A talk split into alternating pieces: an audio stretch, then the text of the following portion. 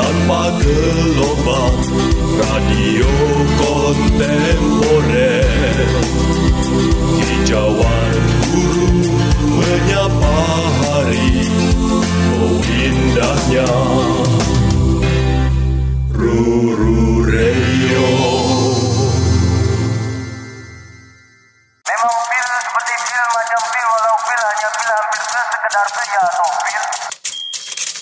Titik dua, dua, dua. Segala tentang sasa. Nah, ini ada puisi. Dalam puisi ini ada bunyi. Bunyi kecapi atau cemetik itu tak penting. Dalam puisi ini juga ada bau. Bau ubi bakar atau babi panggang. Itu juga tak penting. Titik dua, dua, dua. Segala tentang sasa. Dan di langit dua tiga cukong mengangkang berak di atas kepala mereka. Titik dua, dua, dua, dua. Segala galanya tentang sasa. Ruru Radio Death. Indifferent and calm. The poem of death. Last day under a heavy final grave. And the soul turning toward the silent sea goes to the infinite mountain to a leap. Songs. Making all music by the flowing of my heart. Singing the song and never to part. Play my chant, sing your abandonment, forming a space into the mineral air making this object as the universe. We will build the my division of the whole, making this universe of peace with the world. Rise, strike me not for another space. Exalt in my race, O my peerless. First, for the outset that is a soldier. Honor the searching and the right. Death. Read the true poem under any answer, death. Death is no him, he is no him but a mournful song the immortal sing. This song is a continual call from the sea, but a mournful song the immortals sing. How should the word of song be requited? Softer than the call of a perfect echo. After a long lull on the waves passing, weave the low breath of the breath of song. Sings in the chant of the surface of death, making a song with a phantom and death. Dato, itu puisi baru gue bikin tadi toh. Widih. Lu di mute toh, lu di mute. Oh iya, serius Dari apa nih dok? Ah, baru baru gue bikin om Bikin dari apa? dari software Hah? Dari apa dok? dari software di Google itu loh. Oh gitu. Yang vers itu. Oh, oh, yang first. Bukan lu, lu yang bikin dong. Eh, Om, aku, aku yang masukin kata-kata pertama, Om. Oh gitu. Berapa kata? Satu, Hah? satu. Masa satu sih bisa puisi bagus begitu? Widih, gila. Afrizal bilang pu- puisi bagus, hati-hati dok. Om, om aku boleh nanya dulu nggak? Yang dimaksud puisi bagus tuh yang kayak gimana? Kamu siapa? Ntar dulu, kamu Udah siapa? boleh. Oh, boleh, boleh, boleh. Ya udah aku mute dulu. Ini jadi apa? Sebentar aku kasih apa muka dimah dulu ya. Boleh, boleh dok, boleh. Oke, boleh, boleh, boleh. Nah, jadi temanya hari ini adalah eh, AI dan sastra. Dan Oke. kebetulan di sini ada pakar sastra dan ada pakar AI. Betul sekali. Hmm, AI buat teman-teman yang skoyers yang belum tahu, AI itu adalah eh, singkatan dari kecerdasan buatan. Jadi apa? Hmm. eh, Kak Cica ngangguk-ngangguk seperti gue salah kelihatannya. Kayak hmm, Enggak, soalnya baru ada ini, baru-baru ada apa kayak uh, formal translation gitu yang disepakati kalau AI itu kita nyebutnya dalam bahasa Indonesia bukan kecerdasan buatan lagi, tapi kecerdasan artifisial. Gitu. Soalnya artifisial kan bahasa Indonesia juga tuh. oh, gitu. semacam Hmm, stevia gitu jadinya ya, artificial sweetener gitu ya. iya, kurang lebih begitu. Jadi uh, kita nggak bilang biasanya kan AI atau dis, atau KB gitu kan ya kecerdasan buatan gitu. Sekarang nyebutnya kalau dalam bahasa Indonesia singkatannya jadi KA, kecerdasan artifisial. Gitu. Soalnya aku sama Berto, terutama aku ya, aku nih kebodohan yang tidak dibuat-buat. Iya, Jadi ini natural stupidity gitu. betul, betul. Nah, nah Kak Cica nih ya belum diperkenalkan udah ngomong. betul, betul. Oke, benar. jadi Oke. tamu kita ahli apa tadi istilahnya eh, kecerdasan Kecerdasan Kecerdasan artifisial. kecerdasan artifisial Hmm, adalah Kak Nazim Mahresa atau biasa dipanggil eh, Kak Cica dan Om Afrizal tentu saja yang Skoyers pasti sudah sangat kenal. Baru saja mengeluarkan buku baru yang Oh iya bener. Ntar dong, gua ambil dulu bukunya. Ah, nah Ntar. eh, silakan mungkin tadi Kak Cica ada pertanyaan puisi yang bagus kayak gimana tuh Om?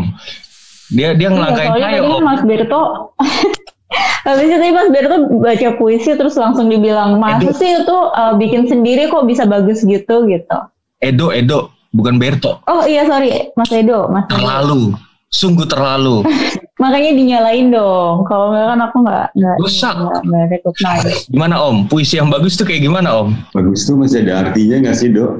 Nah, Bagus masih ada artinya nggak sih? coba Cica jawab. Bagus mesti ada artinya nggak? Kalau kita bicara dalam konteks sistem harus ada. Kalau kita menganggap bagus itu sebuah variabel, kita harus punya measure ya. Yang disebut bagus itu seperti apa gitu. Nah ini ini Nah, gimana Sulit? Ini tanggung jawab ini tanggung jawab moderator sih. Kan yang yang menginisiasi diskusi dengan dua eh apa ya? Wow, dua topik ini. Ya sorry ada ini ada ada sponsor. Nah, dua topik yang tadinya aku juga nggak kebayang gitu kalau misal ini bisa dijadikan satu forum. Terus kan diinisiasi nih dengan sangat keren oleh Ruru Radio. So I believe Ruru Radio juga udah prepare uh, aja tidak. Berarti belum pernah kenal moderator itu kan sebagai platform gitu ya untuk menengahi diskusi ini gitu. Kalau tadi Om Afnanya bagus itu harus ada artinya apa enggak? Kalau dari saya jawabannya iya karena harus ada measure-nya ya, harus Nah. ada ukurannya gitu, harus ada tolak ukurnya gitu, harus ada eh, mungkin semacam threshold gitu ya, ambang batas jauh mana sesuatu bisa kita bilang bagus, jauh mana sesuatu itu bisa kita bilang kurang bagus atau nggak bagus gitu. Itu kan kalau dari saya. Nah kira-kira gimana tuh Nah kan ini, kelanjutan dari malam ini? kelanjutan dari malam ini nih awalnya gara-gara eh ini nih eh, Berto ngirimin gua Wah berita. Sebuah berita dan eh, link yang ternyata linknya itu kalau dibuka kita bisa bikin puisi. Tunggu dulu dok, kata bagus belum terjelaskan loh dok. Aduh dia balik lagi ke situ, baru lari dari situ. Gimana dok? Jadi kata bagus dulu lah. Gimana bagus? Gimana? Bagus gimana ya? Jangan, jangan lompat-lompat. Saya setuju sama Om Af. Ayo kita selesaikan dulu itu. Eh, kalian nih bintang tamu ya, tolong ya. Tolong, masa masa moderator, masa kita penyiar yang di ini dok. Kita yang harus jawab masa gimana? siapa? Ada bagus merek kamper kok nggak salah ya. Ya, Iya betul. itu saya juga pakai Tom. Nah, bagus. Mungkin kalau menurutku ya parameternya agak beda gitu ya. Hmm. Kalau buat Kak Cica mungkin dia harus terukur. Kalau buat puisi itu variabelnya agak lebih cair. Menggugah. Oke. Ya, Menggugah macam menggugah. menggugah gitu. Aku nggak tahu kalau misalkan buat Om Afrizal, karena Om Afrizal nih ag- agak unik nih Kak Cica nih. Dia pernah bilang dia eh, menilai puisi itu bisa dengan fisik kalau Om Afrizal. Ah, oke. Dia pernah bilang dia mau muntah melihat seorang penyair membacakan puisinya. Nah itu gimana tuh. Om? Ya gimana? Gue masih mikir-mikir apa sih kata bagus itu artinya ya parameternya ada nggak sih ya? Kenapa sih dia nyelonong begitu aja gitu dari eh, mulutku setelah kamu dengar kamu baca puisi gitu. Padahal kan aku nggak ngerti juga yang kamu baca itu apa. Apakah aku suka suaramu atau tekstur suaranya atau apa ya? Jadi begitu aja meluncur ya, apakah eh, kata bagus itu masih ada parameternya atau dia seperti artinya selamat malam Dirdo, terima kasih kamu sudah membacakan puisi untuk pemirsa dulu radio. Apa begitu arti kata bagus? Aku juga lagi mikir-mikir Dirdo. Jadi bagus sama selamat malam sama tuh Om? Iya, selamat malam pemirsa, kayak gitu-gitu sebuah sebuah ucapan yang Formal. enggak enggak biasa lah dilakukan kan kamu nggak enggak langsung nyelonong baca puisi aja mungkin itu sebuah ucapan selamat malam yang menurut Oh, sapaannya dengan puisi. Oh gitu ya ya. Nah. Tadi tadi Berto mau selamat malam tuh. Padahal Ah. udah tahu. Nah kalau Kak Cica gimana Kak Cica? Puisi yang tadi kubaca bagus anjing jijik banget gue dengernya. Puisi yang tadi kubaca apakah bagus? gimana? Bagus, bagus. Saya suka. bagus ya. Itu buatan saya sendiri. Percobaan Tadi pertama katanya bukan buatan oh menggunakan tadi ya apa uh, first namanya application tadi. Pers. Nah Terus jadi kata yang satu kata yang kamu masuk yang kamu masukkan ke itu jadi gini Om, eh, dia itu kita bikin Di satu aplikasi itu. Ah, di aplikasi itu kita bikin satu larik. Nah, aku masukinnya death, kematian. Eh, nah, sebelumnya itu kita harus pilih bentuk puisinya mau kayak apa. Kuatrain kah? Sajak bebas atau apa? Nah, aku Ah. pilih itu, aku pilih sajak bebas. Terus habis itu kita harus pilih Style. Ya penyair ido- penyair idola. Hmm. Nah, aku pilih siapa? tuh. Gue pilih yang paling keren dari list itu lah. Kenapa? Gimana? kamu pilih penyair siapa Yang aku pilih tuh yang pertama itu Ravaldo Emerson, satu lagi tuh eh siapa namanya? Eh kok gue jadi lupa. Walt Whitman. oh Charles berkomentar Gak ada ini ini penyair-penyair tua nih. Kayaknya mungkin Oh, belum oke, oke. dilengkapi. Nanti juga mungkin bisa dilengkapi. Ini ini penyairnya. Datanya belum lengkap berarti. Datanya belum lengkap. Lu jangan ngomong gitu ke praktisi. Oh iya iya iya iya. iya. Parah tuh Oh, praktisi. iya, iya, iya. KA. Kita lengkapin lu mati beneran lo katanya gitu. mungkin nanti akan nyambung lagi ya ke kata bagus ya Mm. kata bagus itu begitu ya Mbak Cica ya aku manggil namamu aja atau pakai Mbak Pakai cica aja om. Oke, Cica. Mungkin eh, pendek dulu ya, mungkin nanti terjawab juga ya. Sure. Nah, selagi kita menunda nih, Hmm. boleh dah saya memberikan perkenalan dulu. Oke belum jadi jadi nih. Kenalannya, silakan dok. Lagi dong, dong. Kenapa? Baca puisi lagi. Aduh, ntar bikin dulu Om. Kan cepet udah tinggal masukin aja terus tinggal pilih-pilih tadi parameternya kan. Coba coba satu lagi kira-kira akan keluar automatically keluar ucapan bagus nggak tuh dari Om Af? Loh, Nah, coba. Nah, nanti dulu masalahnya begini. Ketika misalkan saya bikin nih, saya kan bikin baris per baris tuh. Nah, nanti setelah pas saya bikin baris per baris, kalian ngapain ya? Karena waktu saya Oh pertama bikinnya harus bar- bikinnya harus baris per baris. Kira-kira tadi untuk dapetin puisi kayak gitu, Mas eh, Edo perlu waktu berapa lama? 5 menit lah, 10 menit gitu. Cepet. Yang. Cepat. ya, sih cepat, cuma kan Hmm. jadi waktu gini Kak Cica, waktu pertama kali Lu sambil bikin, gue nanya kabar nih dok. Nah oke gitu. Karena gini Kak Cica, Nah, yaudah. Iya, pertama kali aku dikasih tugas untuk jadi penyiar di Roro Radio, aku di briefing. Semua Oke, boleh di Roro? Radio, ngapain aja boleh. Ngomong kotor boleh, ngapain boleh, nggak boleh diam. Karena ini radio. jadi kalau Kan saya gak diem juga. Ah, Lagi membuat puisi, lagi bikin syair kan. So itu bukan diam lah. saya bikin dulu kalau gitu. Berto, Oke. Oke. Kata bagus ya Dirdo ya. Good. Dimulai dari good dok. dia harus bahasa Inggris om. Ya good lah. Good ya, oke, good, good, good. Hmm, good good. Nanti di screen share dong ya. Ininya maksudnya kayak yang uh, first lengkapnya itu tadi. Atau lu bikin sambil screenshot. Banyak maunya. Lu bikin sambil Di screen screen share share. dok. Oke. Sambil sekarang lu screen share sekarang. Iya. Bisa kita Iya. komentari. Terus ini teman-teman yang streaming pakai radio terus yang belum belum nggak bisa lihat sih ya, ah, tapi ya ah, istilahnya Kak Cica istilahnya lah ya. istilahnya teman-teman kongko telinga. Kongko telinga. Oh, Oke. Biasanya kita kongko dengan seluruh tubuh kan. Kongko Di sini kita kongko telinga. Kongko kuping. Oh kongko kuping lebih enak ya Om ya.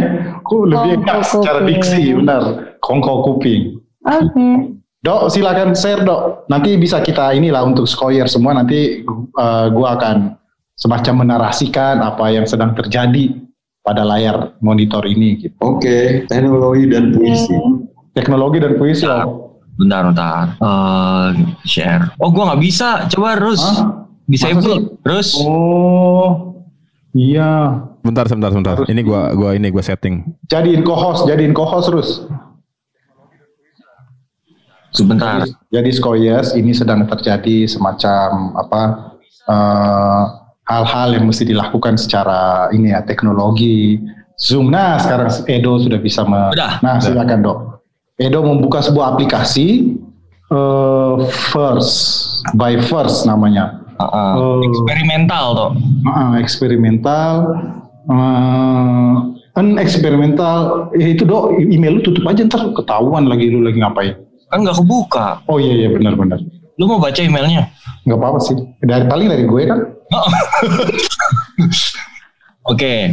Eh gue mana do? Teh gue kok gak nyampe-nyampe do? Tehnya om. Eh teh Beijing. Dua bulan om naik kapal. Ya ampun. Soalnya katanya kalau naik pesawat eh disangka barang berbahaya jadi nggak boleh jadi harus naik kapal. Oh gitu. Mm. Maaf ya, gue tadi rapat sedikit sama Om Afrizal. nah jadi Ini nggak mulai-mulai loh. ya ya Oh, iya, iya. Cica nih kita salah ngundang tamu nih. Banyak banget Salah ya? tamuannya.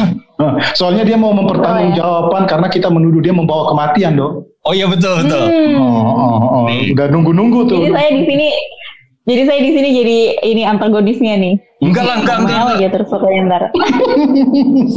Nah jadi ini kita harus pilih nih. Kita pilih ada berapa? Yes, Koyers. Jadi ini tampilan layarnya itu di latar tuh ada semacam pegunungan dengan warna langit kemerahan senja hari ya sepertinya ya. Terus ada tampilan bicaranya nggak langsung ke konteks nih. ada foto-foto para penyair, eh, tentu saja penyair Eropa Amerika ya, Do ya. Di sini era era Ini sebelum perang Amerika dunia kayaknya nih toh. Amerika ya, Amerika. Amerika nih. Sebelum sebelum sebelum 50-an ya, eh. Oh jauh. 40-an, sebelum perang dunia 2 lah ini mereka pasti. Ini perang dunia satu bahkan toh. Perang dunia satu semua ini? Nggak ada yang perang dunia 2? Nggak kecuali ini nih Robert Frost tuh. Ya ada makanya. Oh satu biji doang. Hmm. Nah terus Edo akan coba dong, sudah sudah lanjut dong lanjut ke step berikutnya dong. Eh, pilih Pencet. penyairnya siapa dulu nih? Lu pilih penyair, silakan dong. Oh gue Aku Sarah, Edgar Allan Poe ya. Sarah Kresdat, Kresdal. Siapa? Syarat itu. Sarah Tisdale ini. Ya. Oke. Boleh tiga nih. Siapa satu lagi? Perempuan lagi ya? Ini tiga, tiga penyair jadi satu puisi gitu. Iya, jadi nanti mereka saling memberi saran, Om. Oh gitu. Hmm, satu lagi ini kali ya. Frances, Frances. Udah udah terlambat. Ini mereka di roh digital gitu. Iya. Hmm, oke, kita next ya di atas nih. Next. Coba lu pilih siapa saya tahu, siapa saya tadi dok sebutin.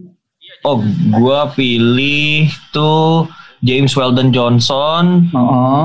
Edgar Allan Poe sama Sarah Tisdale. Oke, lalu Edo akan memencet next. Next. Nah, sekarang Nah. next. Dia harus memilih bentuk puisi yang diinginkan. Hmm, quatrain, couplet atau sajak bebas. Yang mana nih? Ya, Bebas. bebas lah, bebas lah. Sajak bebas. Sajak Oke. bebas. Nah, ini kita bisa pilih nih eh silabelnya kita mau berapa? Silabel apa bahasa Indonesia itu? Lirik, lari, Bukan, silabel bukan. Eh, eh, suku kata. suku kata. Hmm, mau berapa suku kata nih, Om? 10. 10, Wah. 10. 10. 10 suku kata. Banyak banget. Oke, Oke, udah. Next. next. Udah Ini, nih. Kata pertamanya apa nih? Skoyers, ini kita sedang membuat, kita sedang membuat puisi ya, Skoyers ya. Menggunakan verse by verse. Nah, kalau Skoyers mau mencoba silahkan. Nanti eh, Ruru Radio akan mengumumkan linknya. Mm-mm. Nah, kata pertamanya apa nih? Kalimat pertamanya. Good, bagus tadi itu loh. Oh, good. Asik ya kalimat pertama gue ya. Good, nothing. Oke, oke, lanjut. Nah, terus habis itu udah enter kan, kita enter. Nah, habis itu di sebelah kanan kita bisa lihat penyair-penyair yang kita tadi pilih memberikan saran. Oh, Kira-kira untuk baris kedua apa? oh, oh, oh, oh. Gitu. Gimana nih? Kita pilih apa nih? Lu aja yang milih dong. Aku pilih ya.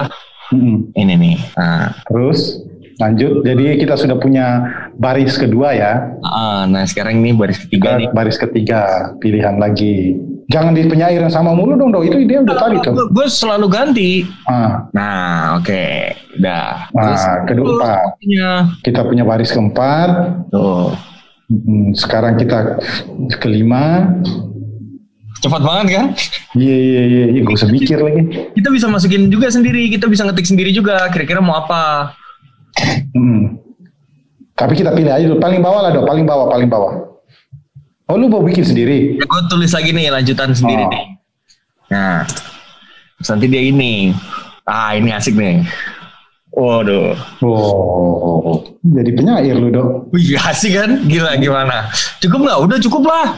Kan sampai 10 Dan segitu aja berarti bukan 10 kata dong, 10 baris dong. baris. Bukan, bukan om. Itu tuh maksudnya 10 10 suku kata. Kan kalau di puisi Per bahasa line, per garis ya. Hmm, per baris tuh ada suku katanya tuh gitu. Ah. Gimana nih?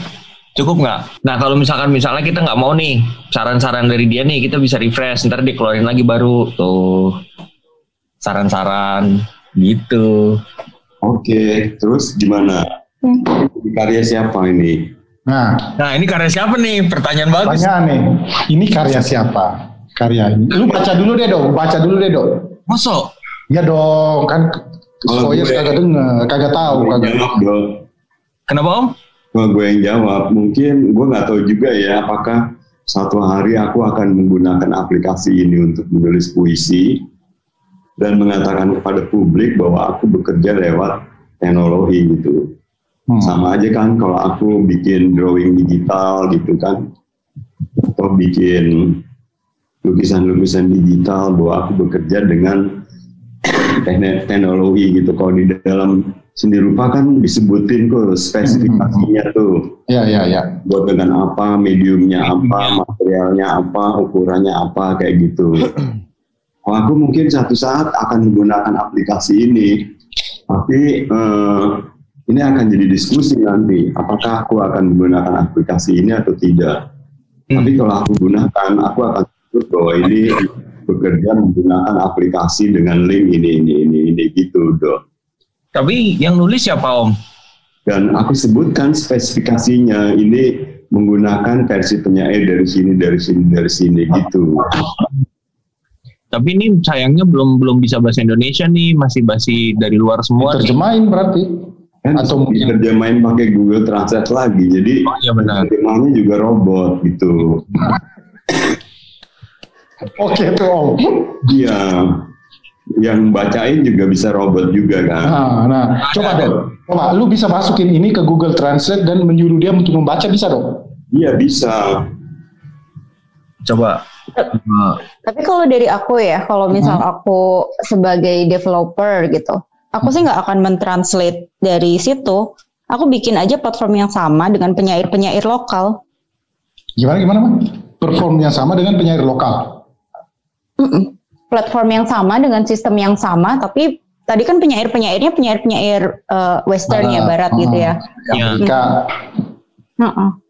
Aku akan bikin eh, tadi referensinya itu yang ngasih advice untuk tiap line-nya itu adalah penyair-penyair kita.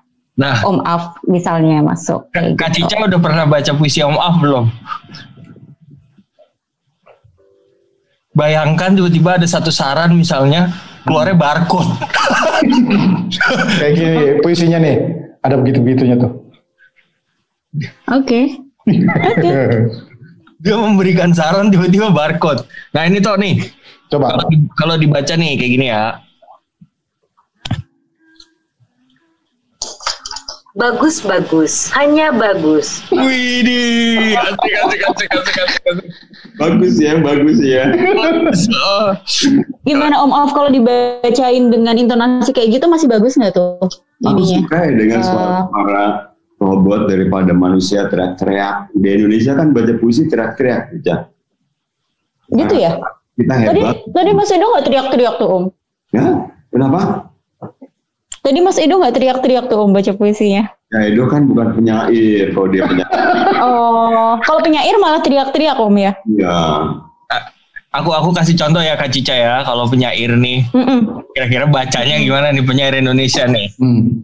Untuk menjaga anak menjadi bidadari secara keseluruhan. mesti mesti ada kata oi gitu dong.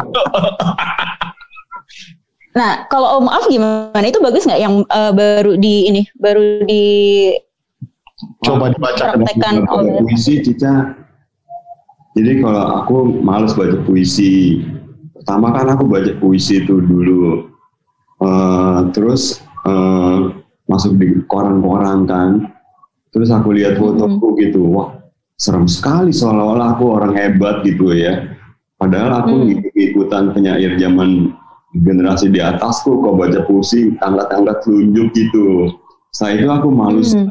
malu sekali dan setelah itu aku jadi malas baca puisi gitu terus Hmm. aku baca puisi jadi monoton kayak robot gitu Hmm. nggak ada, nggak ada emosinya gitu Hmm. mungkin Hmm. juga karena aku nggak suka representasi representasi malam bulan berbintang bintang. itu kan kita seolah-olah merepresentasi dunia bintang yang kita nggak pernah tahu kan bintang-bintang Oke. kayak apa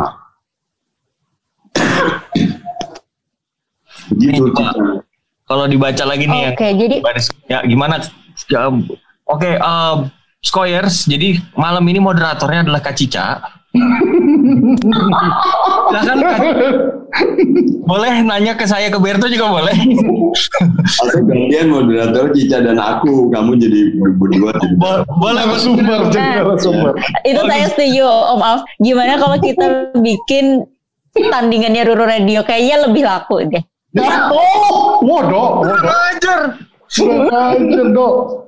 Gimana Om Af? Om Af pasti mau dong, masa ya nggak mau sih? Malah ini kita mau kita mau Mau, mau dong, mau, mau. Tuh kan? kalau Itu gitu teman-teman nanti yang lagi dengerin. Tadi apa? ta- Tadi apa teman-teman Kongko Kuping ya? Oh, Jadi ntar akan ada peluncuran radio baru yang akan di uh, host oleh saya dan Om Af. Pastinya lebih seru. dan itu akan ada di Lulu Radio setiap hari. Kita akan kita akan mendiskusikan Habis setiap ini. apanya. Habis ini aku di kick nih dari sini nih. Ya, habis ini dikontak sama si Torus untuk Mbak tadi Ya, ini mau Kak Ica langsung lah. radio. Iya benar benar. Kak Ica langsung. Kak Ica langsung. Boleh juga Kayaknya tuh. Sebuah acara tentang artificial intelligence kayaknya seru tuh Kak Ica.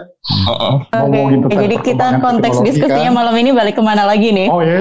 Mau mendiskusikan Karena uh, ini biar bisnis kamu- baru atau program baru dari Ruru Radio atau masih ke tadi tuh apa tuh? Apa mau jadi rapat aja boleh kok. kita rapat aja. Ayo rapat tentang puisi dan teknologi. Heeh. Yuk, oke. Nah, akhir terima kasih Om Maaf Terima kasih, telah Maaf. mengembalikan kita kepada jalurnya. Cica nih memang semacam iblis nih. Gila parah banget. Aku di caption udah dibilang pembawa kabar kematian, sekarang dibilang iblis. Oke. Loh, loh, loh. Pembawa kabar kematian tuh nggak apa-apa. Bagus itu. Nah gimana? Gitu ya, karena coba. beberapa orang tuh malah menunggu-nunggu kematian ya. Jadi pembawa kabar kematian tuh for some people. Eh, nggak boleh kayak gitu. News. Oh nggak boleh, oke. Coba, aku mau tanya dulu nih. Kan aku nggak paham nih. Eh Skoyers juga mungkin nggak paham. Apalagi aku dok. Ah, ah. Apa sih eh, kecer- kecerdasan artifisial itu? Oke, jadi Jangan kecerdasan jangan rumit-rumit ya. Itu. Soalnya Enggak, kami enggak, ini- ini kebodohan yang tidak Ini dibuat-buat. nih. penjelasan penjelasan paling simpelnya itu Oke. adalah dia itu sistem ya yang menirukan cara berpikir manusia untuk melakukan suatu pekerjaan tertentu. Udah itu Hmm. aja. Jadi yang harus dikunci di sini itu adalah pekerjaan tertentunya. Jadi harus ada spesifik pekerjaan apa yang dilakukan. Jadi kita nggak bisa tuh tiba-tiba bilang, oh itu AI, AI buat apa ya?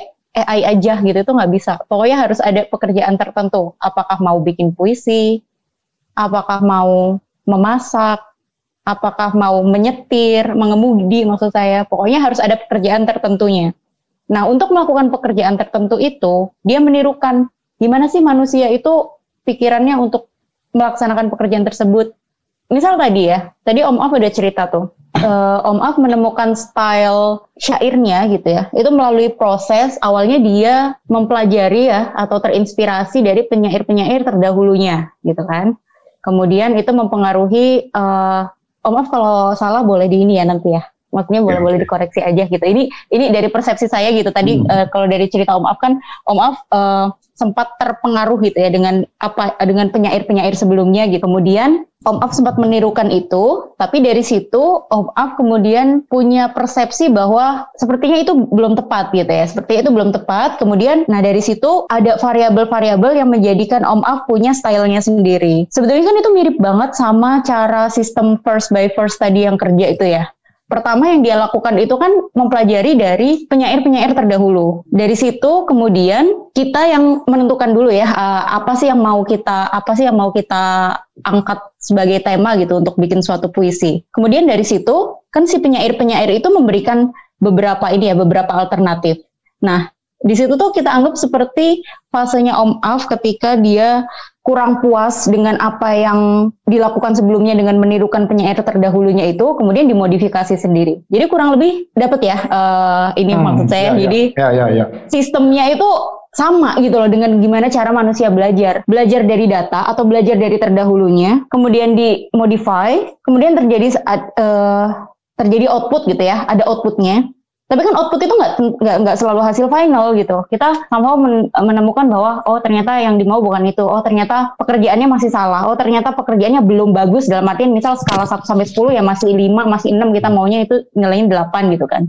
Akhirnya kita perbaiki lagi. Perbaiki lagi dari mana? Apakah harus dengan data yang sebelumnya? Oh nggak juga kalau sebelumnya itu kita cuma mengambil data dari penyair-penyair western misal. Sekarang kita mencoba menambahkan variabel sosial lingkungan. Kita ambil dari uh, trending-trending topics gitu. Sebenarnya sosial ini lagi membicarakan apa sih? Kemudian dielaborate, misal kayak gitu. Oh hasilnya ternyata sekarang lebih relatable dengan sosial gitu kan. Apakah kita udah puas? Oh belum juga. Ternyata masih ada faktor-faktor lain. Kita ingin menambahkan faktor emosi. Gimana cara kita mempelajari emosi? Nah itu kita cari lagi gimana caranya gitu. Nah itu yang disebut dengan machine learning ya. Jadi dia nggak cuma selesai di satu output, tapi dia tuh belajar sendiri kan. Oh, Dia belajar lagi, belajar lagi. Makanya disebut mesin pembelajar. Gimana gimana? Sorry. Anak Apa tuh? Anak lu gonggong-gonggong tuh. Iya makanya karena dia pengen diajak. Gimana dong? Tapi kalau diajak di dalam suaranya lebih berisik lagi. Ya nggak usah lu ke depan aja. Bisa, maksudnya gue nggak usah ada di sini gitu toh. Oke. Ya maksud. Oke. Ya agak menjauh dikit dari tempat si Tahu gua. Dogo. Nah, eh, Kak Cica, jadi maksudnya Ya. apakah tadi tuh kalau dia bisa ditambah terus belajar belajar belajar terus pem- apa pembelajaran mesin tadi itu bisa lebih baik daripada manusia ketika membuat puisi gitu. Enggak kalau Nah, aku jujur masalahnya tadi tadi aku tanya bagus itu apa aja kita nggak bisa jawab. Apalagi kalau ditanya apakah bisa lebih baik lah baik itu apa? Waduh repot nih kita nih. gila. Bener nggak Om Af? Maksudnya pertanyaan aku make sense nggak? Kak Cica pernah dengar kampus namanya STF Diriarkara? Pernah. Nah, kebetulan kami bertiga adalah alumninya.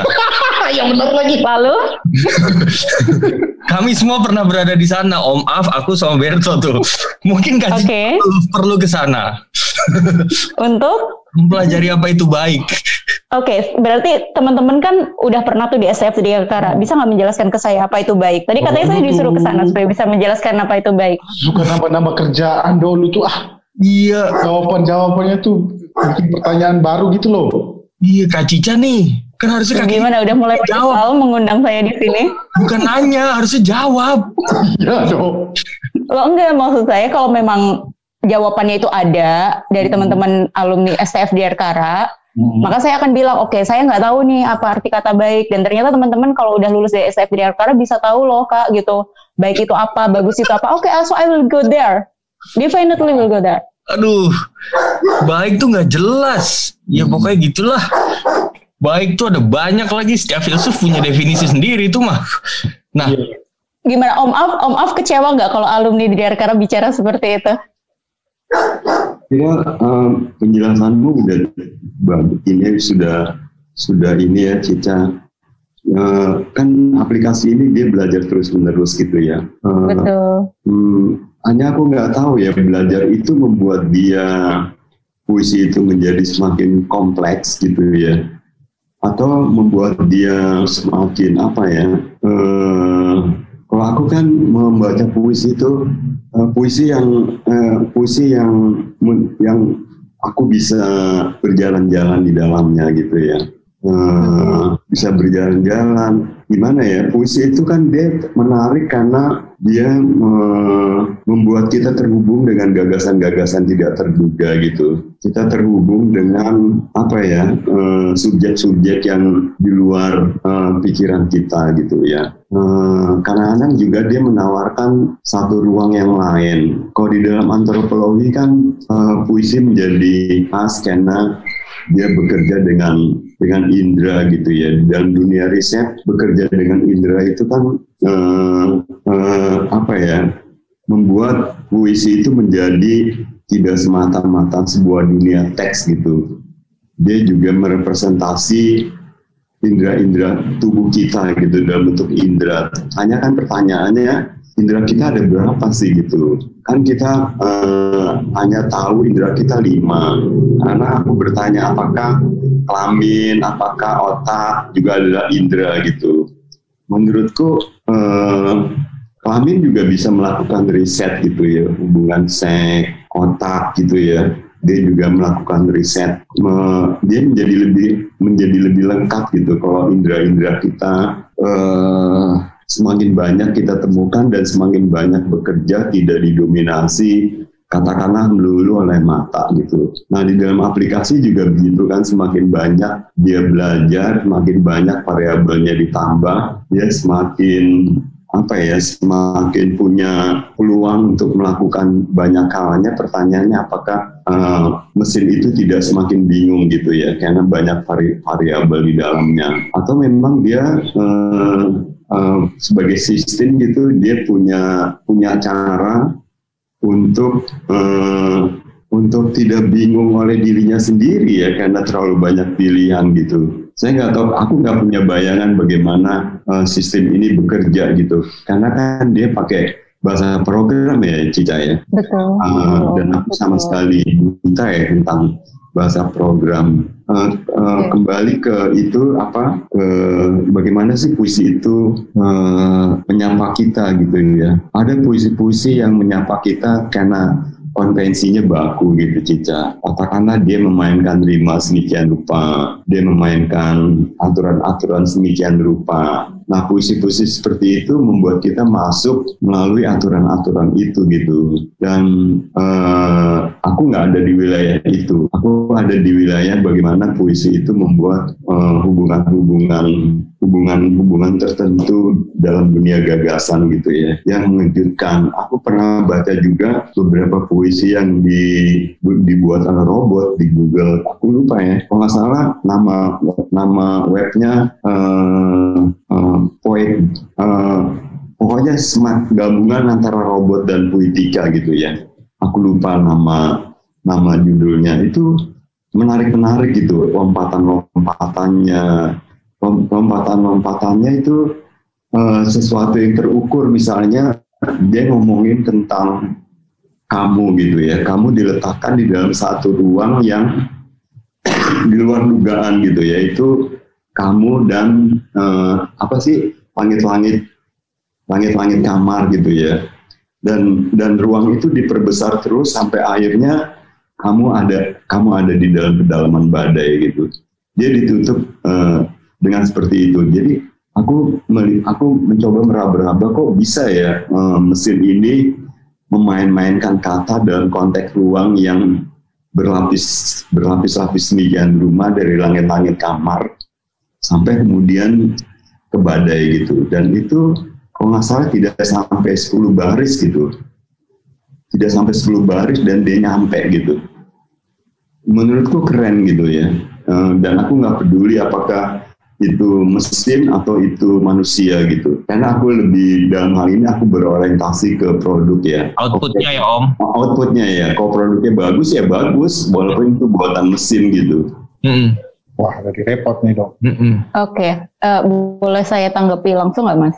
Boleh, boleh, boleh, boleh. Boleh. Oke, oke. Jadi eh, yang menarik Berto soalnya nggak bisa menanggapi Iya. Berto. Lihat nggak? Berto nggak bisa menanggapi tuh lihat tuh. Dia udah kayak gitu. Lu nggak mau menanggapi nih.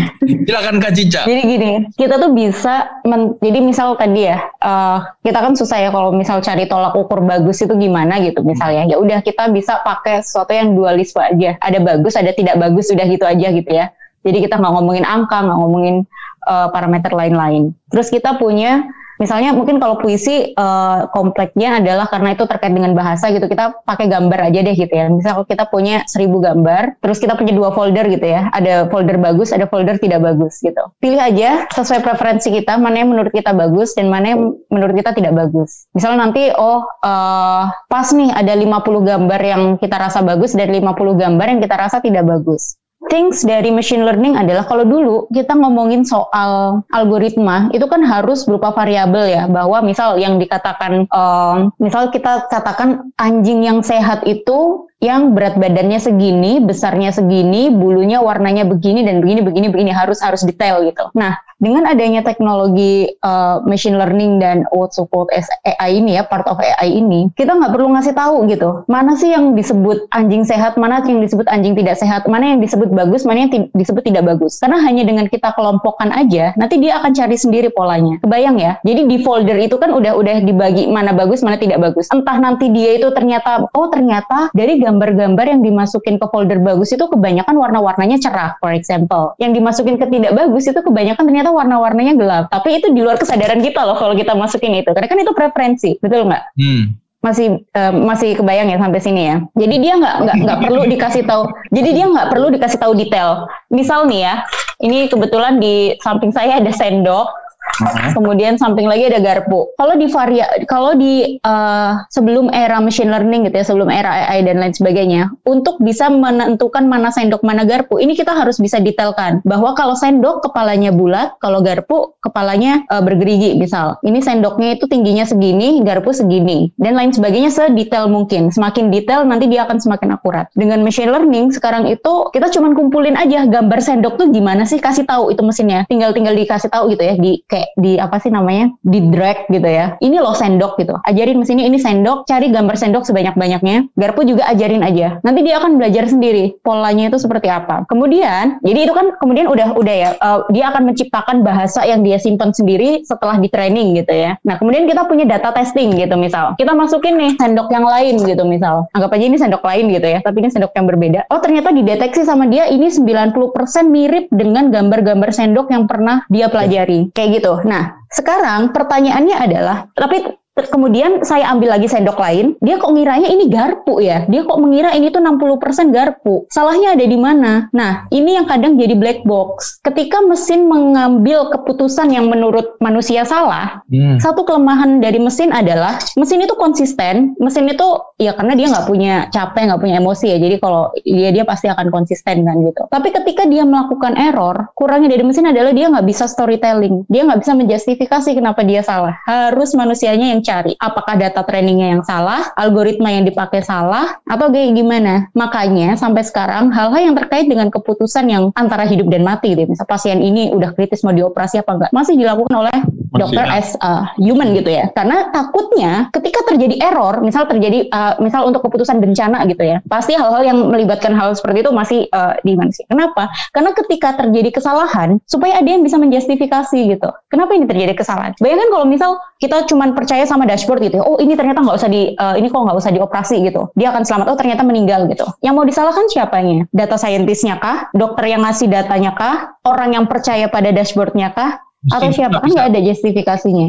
Kalau ke mesinnya mesinnya nggak bisa. Dashboardnya nggak bisa sekarang misal saya adalah keluarga orang yang meninggal, terus hmm. saya mau nyalakan dashboard, dashboardnya dihukum, dihancurkan pun apakah itu menyelesaikan masalah saya? Hmm. Kita nggak bisa nyalahin mesin dong. Maksudnya kan itu nggak? Dokternya pun nggak bisa menyelesaikan masalah juga. Iya, maksudnya gini, misalnya uh, opsinya adalah mau nyalahin dokter atau mau nyalahin mesin gitu ya. Ya saya pasti ingin yang tanggung jawab dokter lah, karena karena mesin nggak bisa menjustifikasi ke saya atas dasar apa tadi kamu bilang saudara saya nggak usah dioperasi misal kayak gitu. Hmm. Yang akhirnya kemudian meninggal.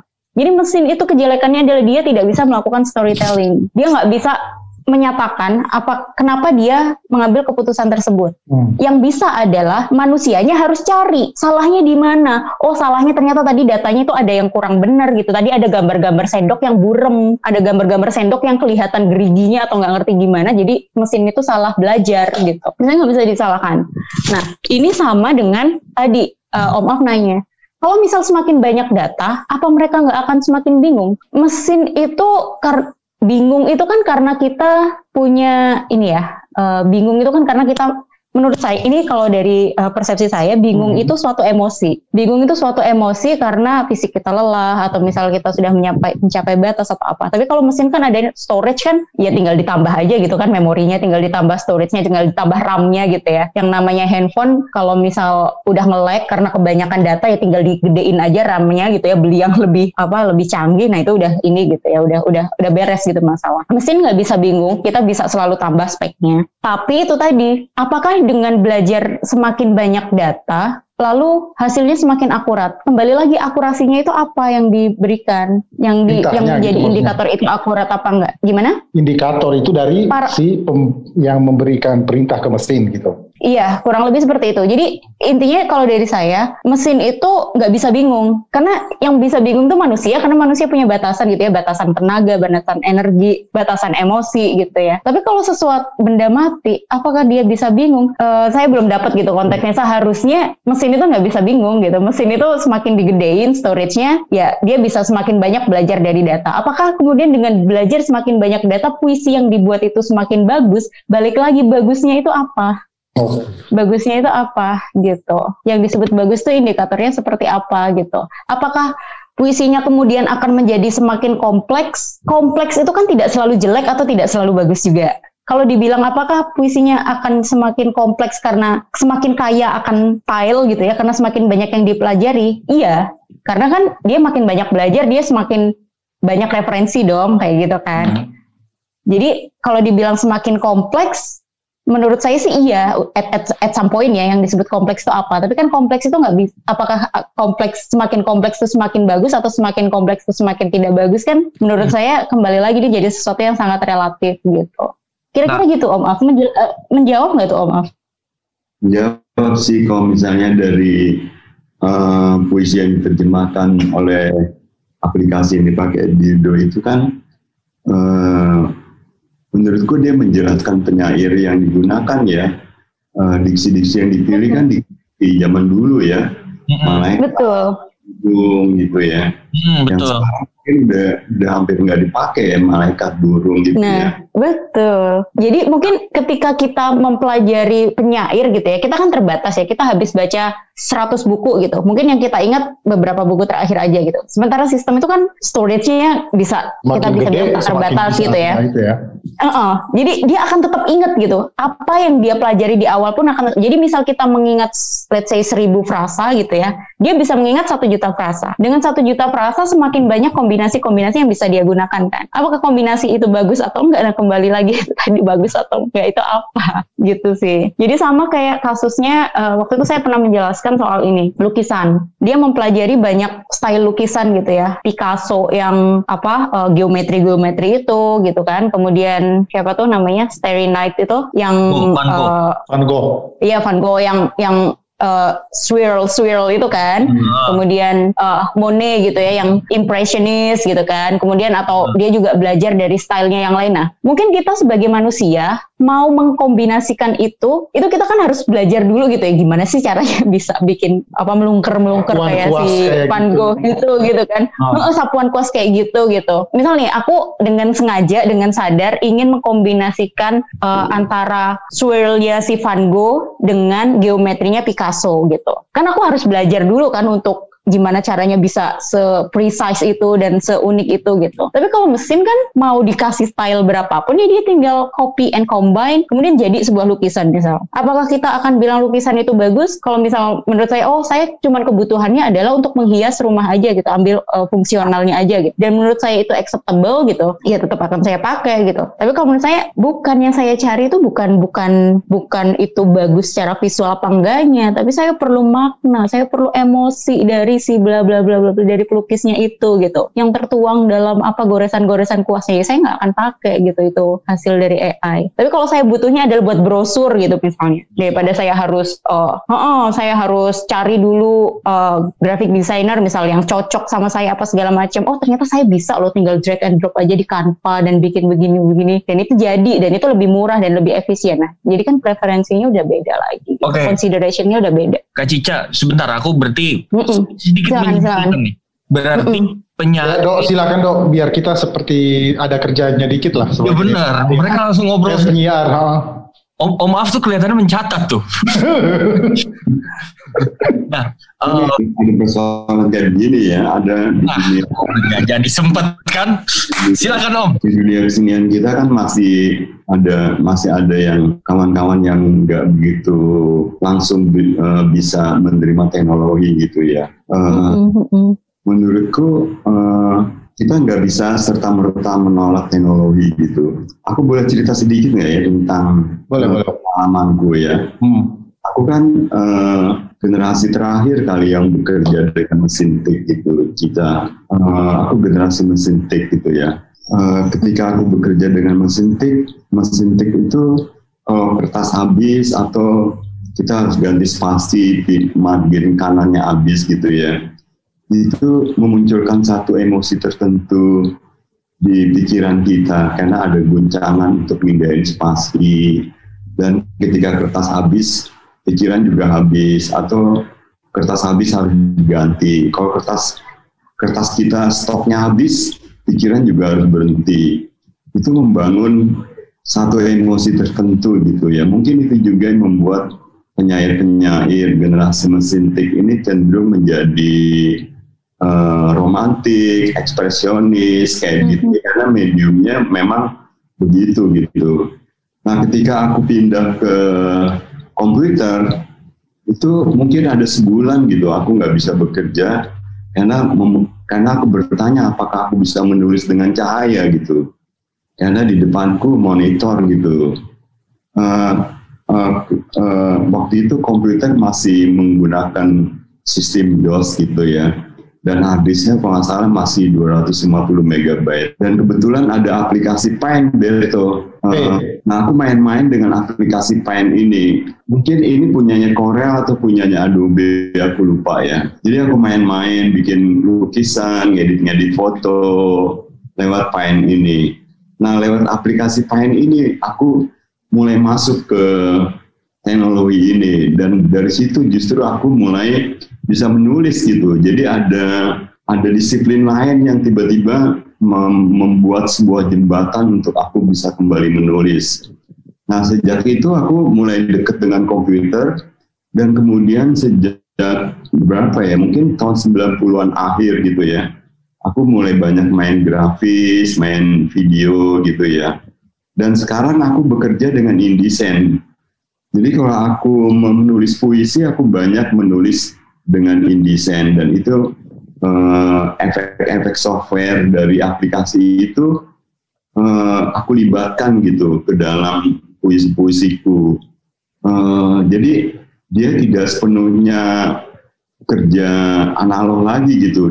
Jadi campuran antara diriku dengan teknologi karena teknologi aku aku manfaatkan itu yang membuat kemudian puisi-puisiku juga muncul gambar. Kebutuhan font yang berbeda-beda. Di mesin ketik kan font cuma satu gitu. Sekarang kan kalau kerja dengan komputer fontnya nggak terbatas gitu. Dan font itu juga mengubah apa ya mengubah semacam puitika juga. Kalau misalnya kita nerbitin puisi dengan font yang salah puisinya langsung rasanya langsung hancur semua gitu. Eh, nah aku nggak tahu berapa banyak penyair yang bekerja langsung dengan teknologi. Kemudian kepanjangan nggak nih ya?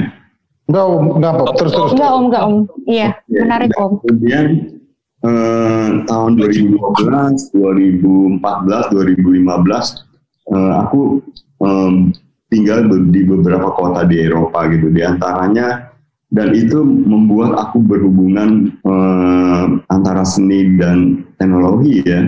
Pertama aku di Kassel di Dokumenta 13 itu aku bertemu dengan satu karya kalau nggak salah karyanya Alexander Tarakovsky gitu ya. Dia menggunakan instalasi dari lab DNA dan ini jadi salah satu poin dari eh, kerja kurasinya Dokumenta 13 ini. Nah, karya ini tentang DNA gitu. Bahwa DNA itu menyimpan memori ribuan tahun gitu. Dan kemudian yang menarik dari kerja kurasi di Dokumenta 13 ini adalah bagaimana instalasi tentang DNA ini disandingkan dengan karyanya lukisannya Salvador Dali. Lukisan Salvador Dali itu tentang pointillis tubuh-tubuh yang luruh gitu. Oh iya iya iya. Itu kemudian lumer gitu karena dari titik-titik gitu. Jadi dia kayak kayak, kayak diajak dialog antara instalasi DNA dengan karya-karya sebelum uh, teknologi masuk sedemikian rupa ya. Dan ini uh, poin penting di kerja kurasi dokumenta 13. Dan menurutku itu menarik gitu, menjelaskan bagaimana uh, dunia seni berdialog kembali gitu dengan sains dan teknologi. Dan kemudian uh, ternyata karya-karya yang menggunakan teknologi uh, jauh lebih banyak di antaranya yang menurut Radika adalah uh, Sterak ya dari Australia yang dia Oh. Kan ya. dia menanamkan mesin ke dalam tubuhnya. Menurut dia tubuh manusia itu membosankan, usang gitu loh. Dari dulu tubuh manusia begitu terus gitu. Nggak ada perubahan. Iya, dan dia menggunakan tubuhnya sebagai uh, tuan rumah ya buat teknologi ya. Dan karya-karyanya memang mengerikan gitu, radikal. Kuping di tangan ya Om. di antaranya dia menanam kuping DNA kupingnya di tangan juga. Terus dia memasukkan Robot. kawat-kawat stainless ke dalam tubuhnya dan tubuhnya digantung dengan kawat-kawat stainless yang masuk dalam tubuhnya digantung sampai 50 cm dari lantai gitu mengerikan gitu ya. Tapi itu eh, apa ya itu apa ya itu kerja kes- kesenian yang eh, mencoba menggunakan teknologi sedemikian rupa untuk masuk ke wilayah-wilayah yang lain di dalam kerja kesenian ya. Dan menurutku memang kita nggak bisa serta merta anti teknologi atau menggunakan teknologi tanpa kita mencoba mengenalinya gitu. Dan di dalam dunia sastra kan jadi masalah gitu. Karena kan medium sastra selama ini dibentuk oleh media cetak Cica. Dan media media cetak cetak sekarang kan bangkrut. Udah selesai. kan ada muncul pertanyaan sastra mediumnya apa gitu media cetak udah nggak ada sirna gitu punah Eh, menurutku ini eh, masa di mana sastra eh, menjadi punya ruang baru gitu untuk mencari medium-medium lain gitu yang tidak lagi bergantung pada media cetak gitu. Dan menurutku juga bahasa itu sendiri adalah teknologi gitu loh Cica. Hmm. Eh, artinya sesuatu yang tidak yang tidak asing gitu kalau kita menganggap bahasa itu sebagai teknologi yang paling canggih karena karena kan kita bisa ngomong tanpa kabel tanpa sinyal ya kan dia teknologi yang canggih sekali gitu dan eh, mungkin dia diciptakan oleh generasi yang dulu eh, lebih canggih lagi dari kita kali karena mereka bisa Alien ya Om. Hah? Macam alien gitu ya Om. Mungkin ya karena mereka bisa menciptakan bahasa ya. Ya, kita ngomong nggak pakai sinyal loh bahasa. Begi, be- kayak begitu sih Cica dari apa ya dari pengalaman ya. aku gitu. Refleksi. Ya Ini yang menarik dari yang disampaikan Om Af itu tadi ya, kalau apa eh, media cetaknya itu udah bangkrut gitu ya, udah udah Hmm. eh, udah mau mati gitu ya. Berarti kan aku bisa bilang bahwa teknologi ini membunuh perusahaan media cetak, tapi dia tidak membunuh sastra. Iya nggak Om? Iya betul, betul banget. Ya ini kayaknya Kak Cica ngambek nih gara-gara caption nih. Siapa sih yang nulis caption? Enggak, bukan. Enggak, ini ini kan Bodoh kita sekali. kita mencoba mencari kita mencoba mencari jawaban yang eh, apa ya, yang logis Oh, gitu ya. oh, oh. Bahwa tadi yang mati itu adalah medianya, betul kan? Oh. Kalau dibilang kemudian ya tapi kan kalau nggak dari media itu terus sastrawannya juga nggak bisa hidup dong gitu kan. Hmm. Loh, selama ini yang yang berusaha di reach, yang berusaha di media itu kan menghubungkan dari satu pihak ke pihak lain gitu, dari sastrawan ke penggemar Pembaca. sastra. Baca. Mm-mm. pembaca gitu ke pembaca.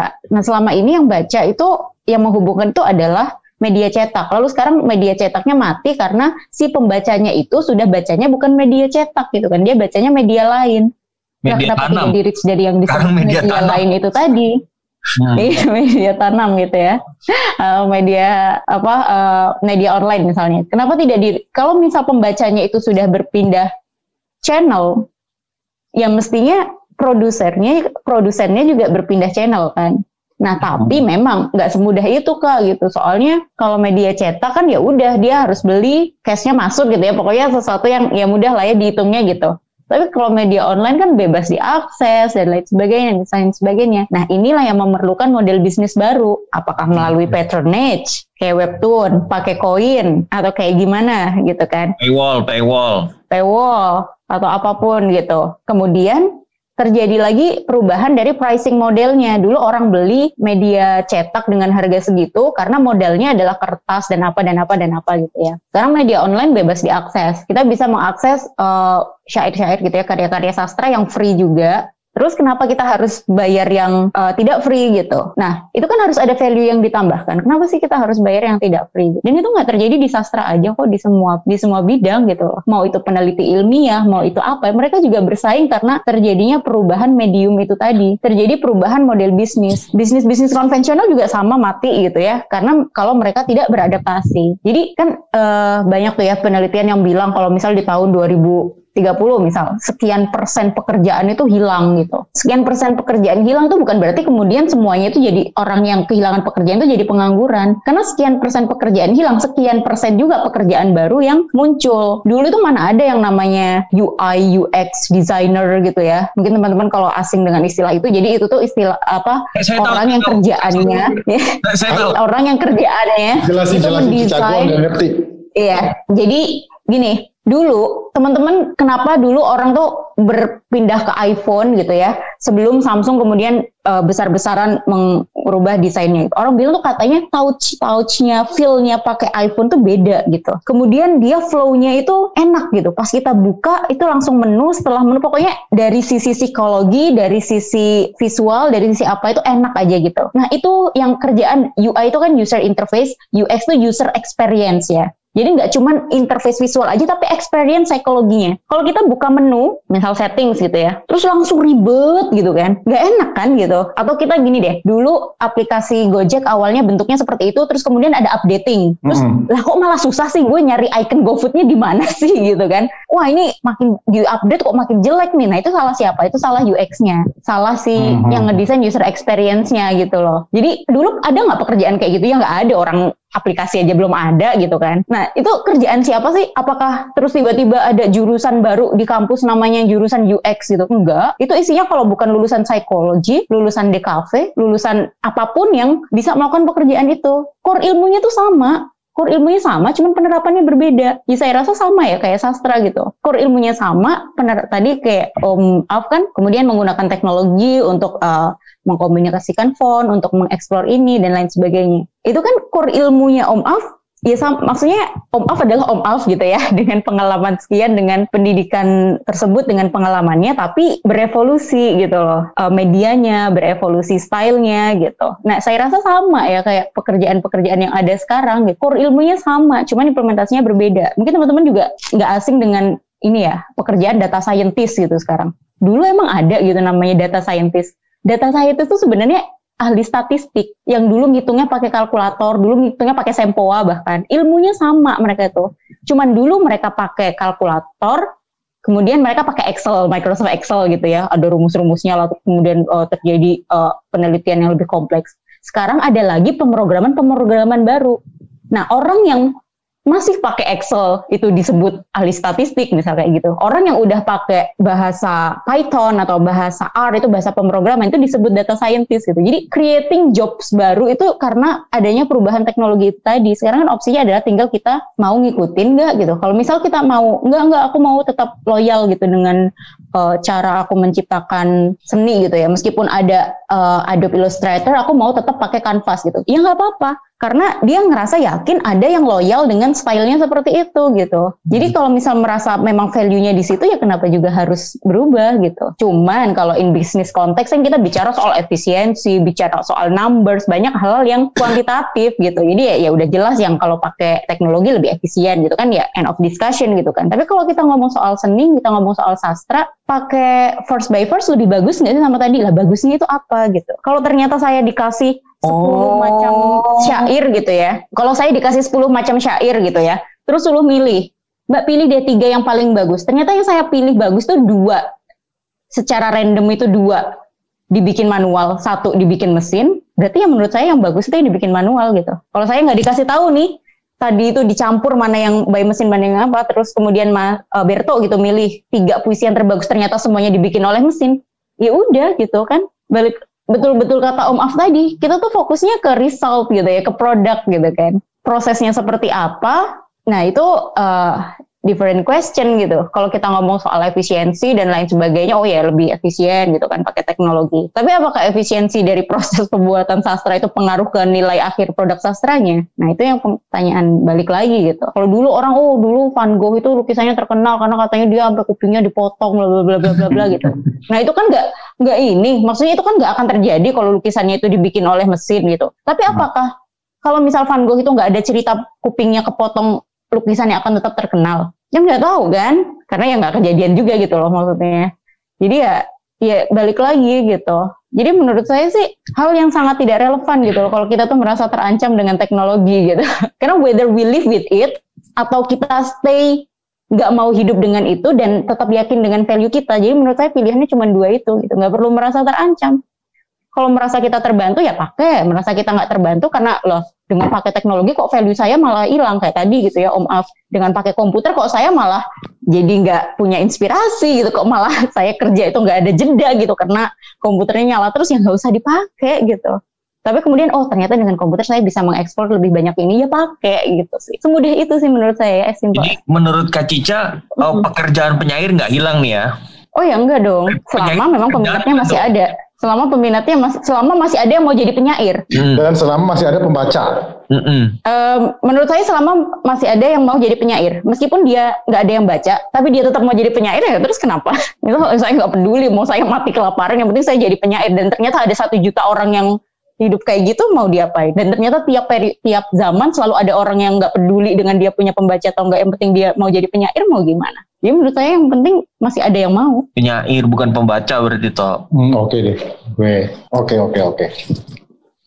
Berat juga nih dok. Nah makanya tadi gue tanya yang soal bagus tuh maksudnya ternyata itu ujung-ujungnya itu karena karena gue gue bisa menyimpulkan itu. Coba coba coba lu disimpulkan dari kuliah 6 SKS kayaknya tadi tuh.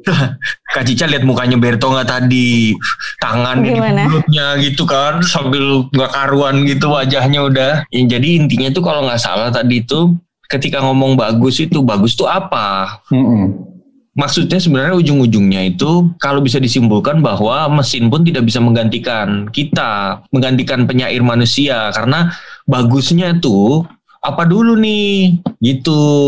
Nggak ngerti kan? Itu dia ngerti gue oh. karena gue juga nggak ngerti makanya penjelasan gue juga kayak gitu doang. Pokoknya nah kalau dari tadi jawab kayak gitu memang masuk deh kayak STF Karya deh Ah, masuk STF karanya Jangan deh, jangan deh, jangan deh. Jangan. Jangan deh, jangan Tapi deh. aku boleh nanya nggak dari Om Alf, menurut Om Alf, kan uh, tentu aja aku masih sangat naif gitu ya, masih sangat hanya mengartikulasikan kembali persepsi aku gitu. Tentu aku nggak belum terlalu banyak belajar kayak teman-teman yang udah uh, mempelajari sastra, mempelajari filosofi dengan cukup deep. Jadi mungkin untuk sebagian orang penjelasan aku sangat pragmatis gitu ya, sangat dangkal mungkin gitu. Hmm. Atau menurut Om Af sebenarnya dengan memahami seperti itu aja cukup gitu. Atau ada hal yang perlu saya eksplor lebih jauh. Untuk apa nih? Memahami apa? Menurutku ya kerja mesin dengan kerja pengalaman aku nulis puisi ya itu nggak ada bedanya sih Cica. E, bagaimana kita memasukkan diksi-diksi tertentu dari lingkungan penyair A ke dalam ke dalam mesin yang kita rancang gitu. Supaya mesin itu bisa membuat puisi berdasarkan penyair yang kita pilih gitu. Di kerja aku juga begitu. Kerjaku adalah uh, Kan penyair itu bekerja dengan bahasa, tapi sekaligus bahasa juga adalah musuh penyair gitu. Jadi kalau penyair tidak kritis terhadap bahasa, dia terperangkap di dalam bahasa. Nah, aku mencoba keluar dari bahasa dengan apa ya? Dengan uh, diksiku diperkaya oleh munculnya medium-medium baru. Katakanlah di era aku itu mulai munculnya mesin fotokopi gitu ya, mesin printer yang bisa ditenteng-tenteng, uh, kamera polaroid gitu, uh, uh, medium. Um, karena aku bertanya bagusan mana sih antara puisiku dengan teh botol gitu. Jadi aku mem- menggunakan tantangan-tantangan baru yang tidak hanya melawan bahasa, tapi juga dia melawan puisi gitu. Nah itu cara-cara aku melakukan semacam pembaharuan terhadap diksi-diksiku gitu ya. Uh, di era aku kan nggak biasa gitu mesin cuci masuk ke dalam puisi atau lapangan basket masuk ke dalam puisi karena di era aku dianggap itu tidak puitis yang puitis adalah malam sunyi gelap Senja gitu Senja. ya, embun senja yang mencekik gitu-gitu gitu ya. Nah, ketika aku mulai masukin lapangan basket, eh, hal-hal seperti itu, itu dianggap apa ya? Dianggap puisi gelap gitu. Mm, puisi gelap. Eh, banyak orang tidak mengerti. Jadi eh, orang pembaca juga sebenarnya sudah di sudah direduksi oleh sebuah mainstream gitu, sebuah kanon puisi gitu ya. Oh, definisi ya Om. Heeh, jadi pembaca juga mirip mesin gitu di dalam merespon puisi. Ketika puisi yang direspon menurut dia asing, langsung dia menganggap itu puisi gelap. Eh, padahal dia nggak asing dengan lapangan basket, dia tidak asing dengan kipas angin gitu. Tapi ketika kipas angin ditaruh di dalam puisi, dia menjadi asing kayak begitu. Nah, eh, dengan munculnya teknologi kayak gini juga menurutku eh, jadi sebuah godaan baru gitu. Karena tiba-tiba kita mendapatkan cermin yang non non non human gitu ya, non manusiawi gitu. Wah, mesin bisa begini apa yang apa yang harus kita apa yang bisa bisa kita lakukan kon kalau di dalam seni rupa kan jejaknya lebih jelas Eh, realisme berubah ketika munculnya fotografi kamera Ya. gitu. Ketika muncul kamera, realisme berubah. Jadi ekspresionis, jadi apa gitu ya. Ini juga berubah ketika muncul video. Di dalam seni rupa kan dia memunculkan apa yang disebut art gitu ya. Eh, bagaimana orang-orang bekerja dengan teknologi dan memunculkan Kerusakan kerusakan teknologi gitu ya, klik art. kerusakan teknologi gitu. Oh. Gampang sekali dilacak. Oh ini karya seni rupa yang menggunakan Photoshop. Gampang sekali dilacak. Tapi kalau puisi itu, bagaimana melacak puisi ini dibuat oleh robot atau dibuat oleh manusia itu jauh lebih sulit untuk untuk melacaknya karena itu di- diperlukan semacam satu kode etik baru ya. Iya iya iya. Kode etik penyair nih. Buat oleh robot. kalau dari sisi eh, etika gitu ya Wih, minum apa itu memang diperlukan itu Terima Tapi kalau dari sisi penikmat Om, kalau menurut saya balik lagi itu gitu. Kenapa saya harus tahu itu dibuat oleh manusia atau dibuat oleh mesin gitu? Tapi kan itu Kalau jadi saya suka kan suka. kan jadi pengetahuan kita kalau kalau seorang kalau kita berkarya dan memberikan informasi yang cukup eh, bisa dipertanggungjawabkan, pembaca kan jadi, jadi dapat pengetahuan. Me- artinya dia Oke. tidak hanya melihat karya itu semata-mata sebagai hiburan yang membuat dia terpuaskan gitu, tapi juga dia Mhm. mendapatkan pengetahuan dari situ. Jadi ceritanya jadi lebih panjang gitu narasinya gitu. Oke. Kamu Jadi balik ke mhm. kalau kamu baca prom Prometheus Bimbel gitu ya, itu karyaku yang baru ya. Itu eh, diksi-diksi yang aku masukkan adalah diksi-diksi dari arsip-arsip gitu, karena aku bekerja, apakah data itu tidak estetis gitu. Kan eh, data itu paling sulit masuk ke dalam eh, puisi gitu. Bagaimana eh, melihat data sebagai bahan-bahan estetika gitu ya.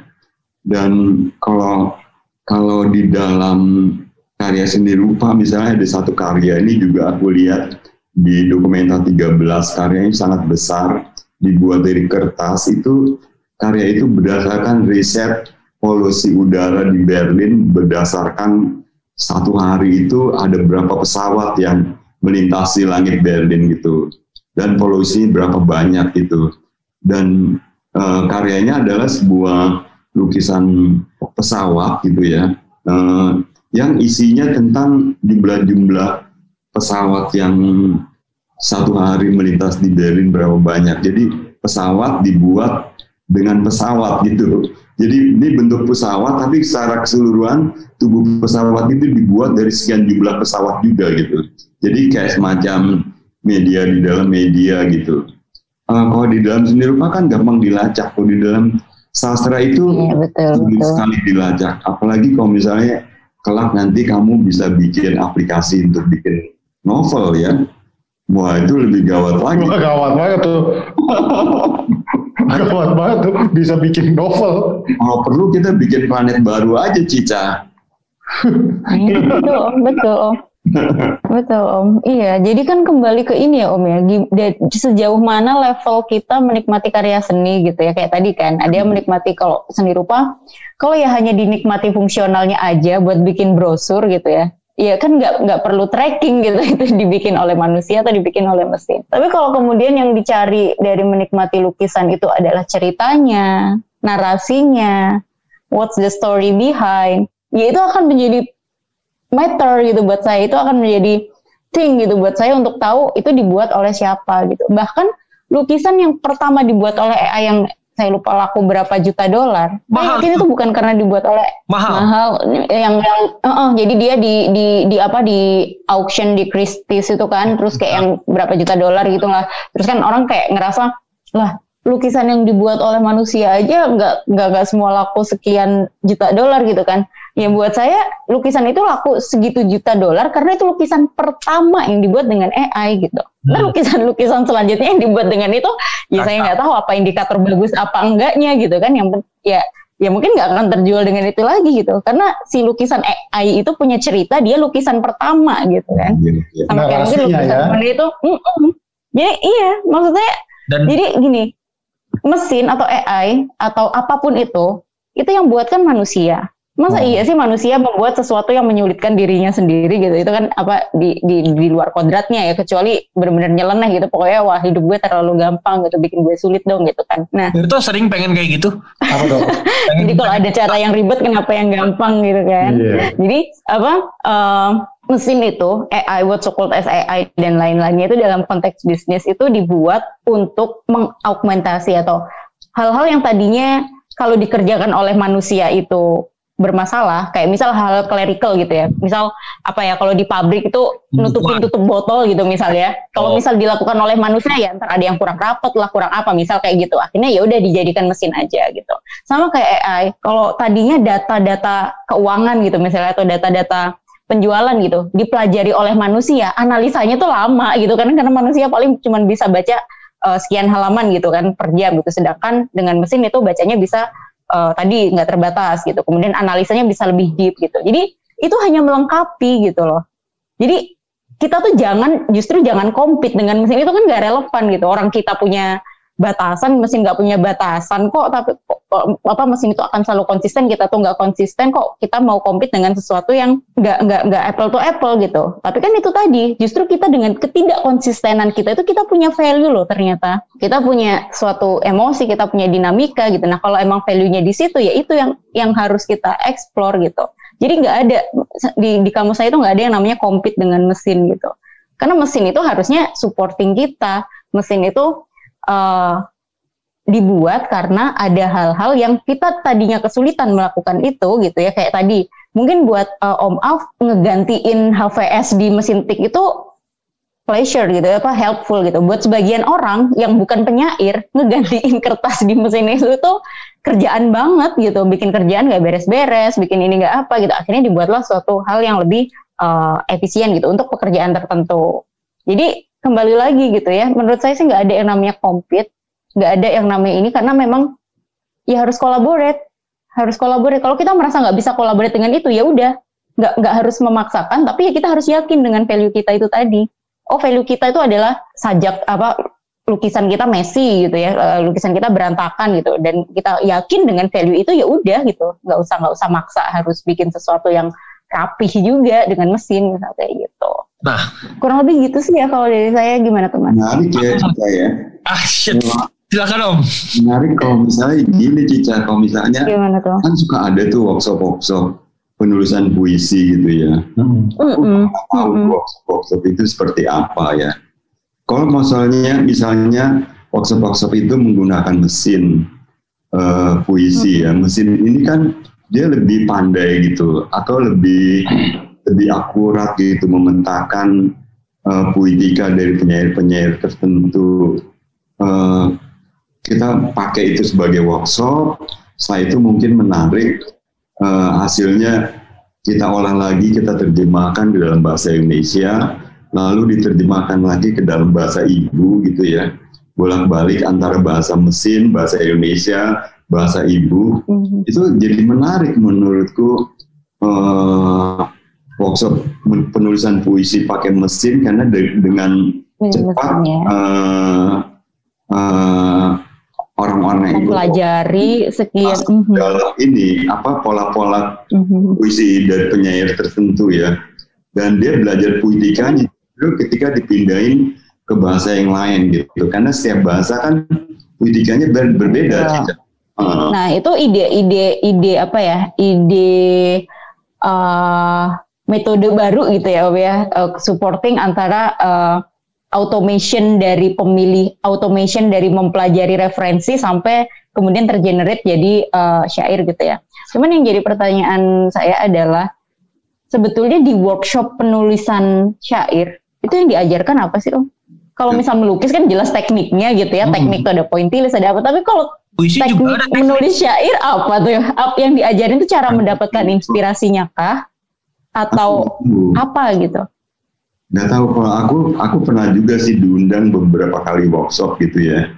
Dan yang materi yang aku berikan ke mereka adalah apa sih yang hilang ketika kita memindahkan sesuatu ke dalam bahasa gitu.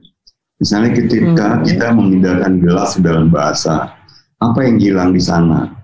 Uh, dan menurutku seorang penyair bekerja di wilayah yang hilang itu gitu.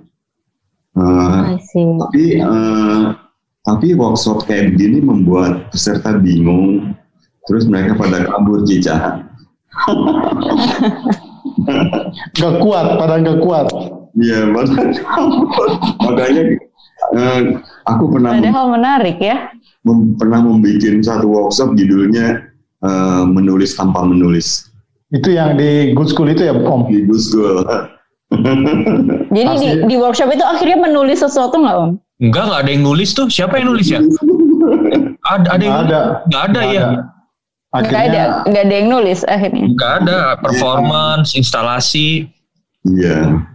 Hmm. Karena Om Af ini selain selain penyair, Kak Cica, dia juga hmm. uh, seniman performance, dramawan, okay. gitu. Jadi, nah, Om Af adalah semacam sudah melakukan apa yang dikatakan Walter Walter Benyamin gitu loh dong. Uh-uh.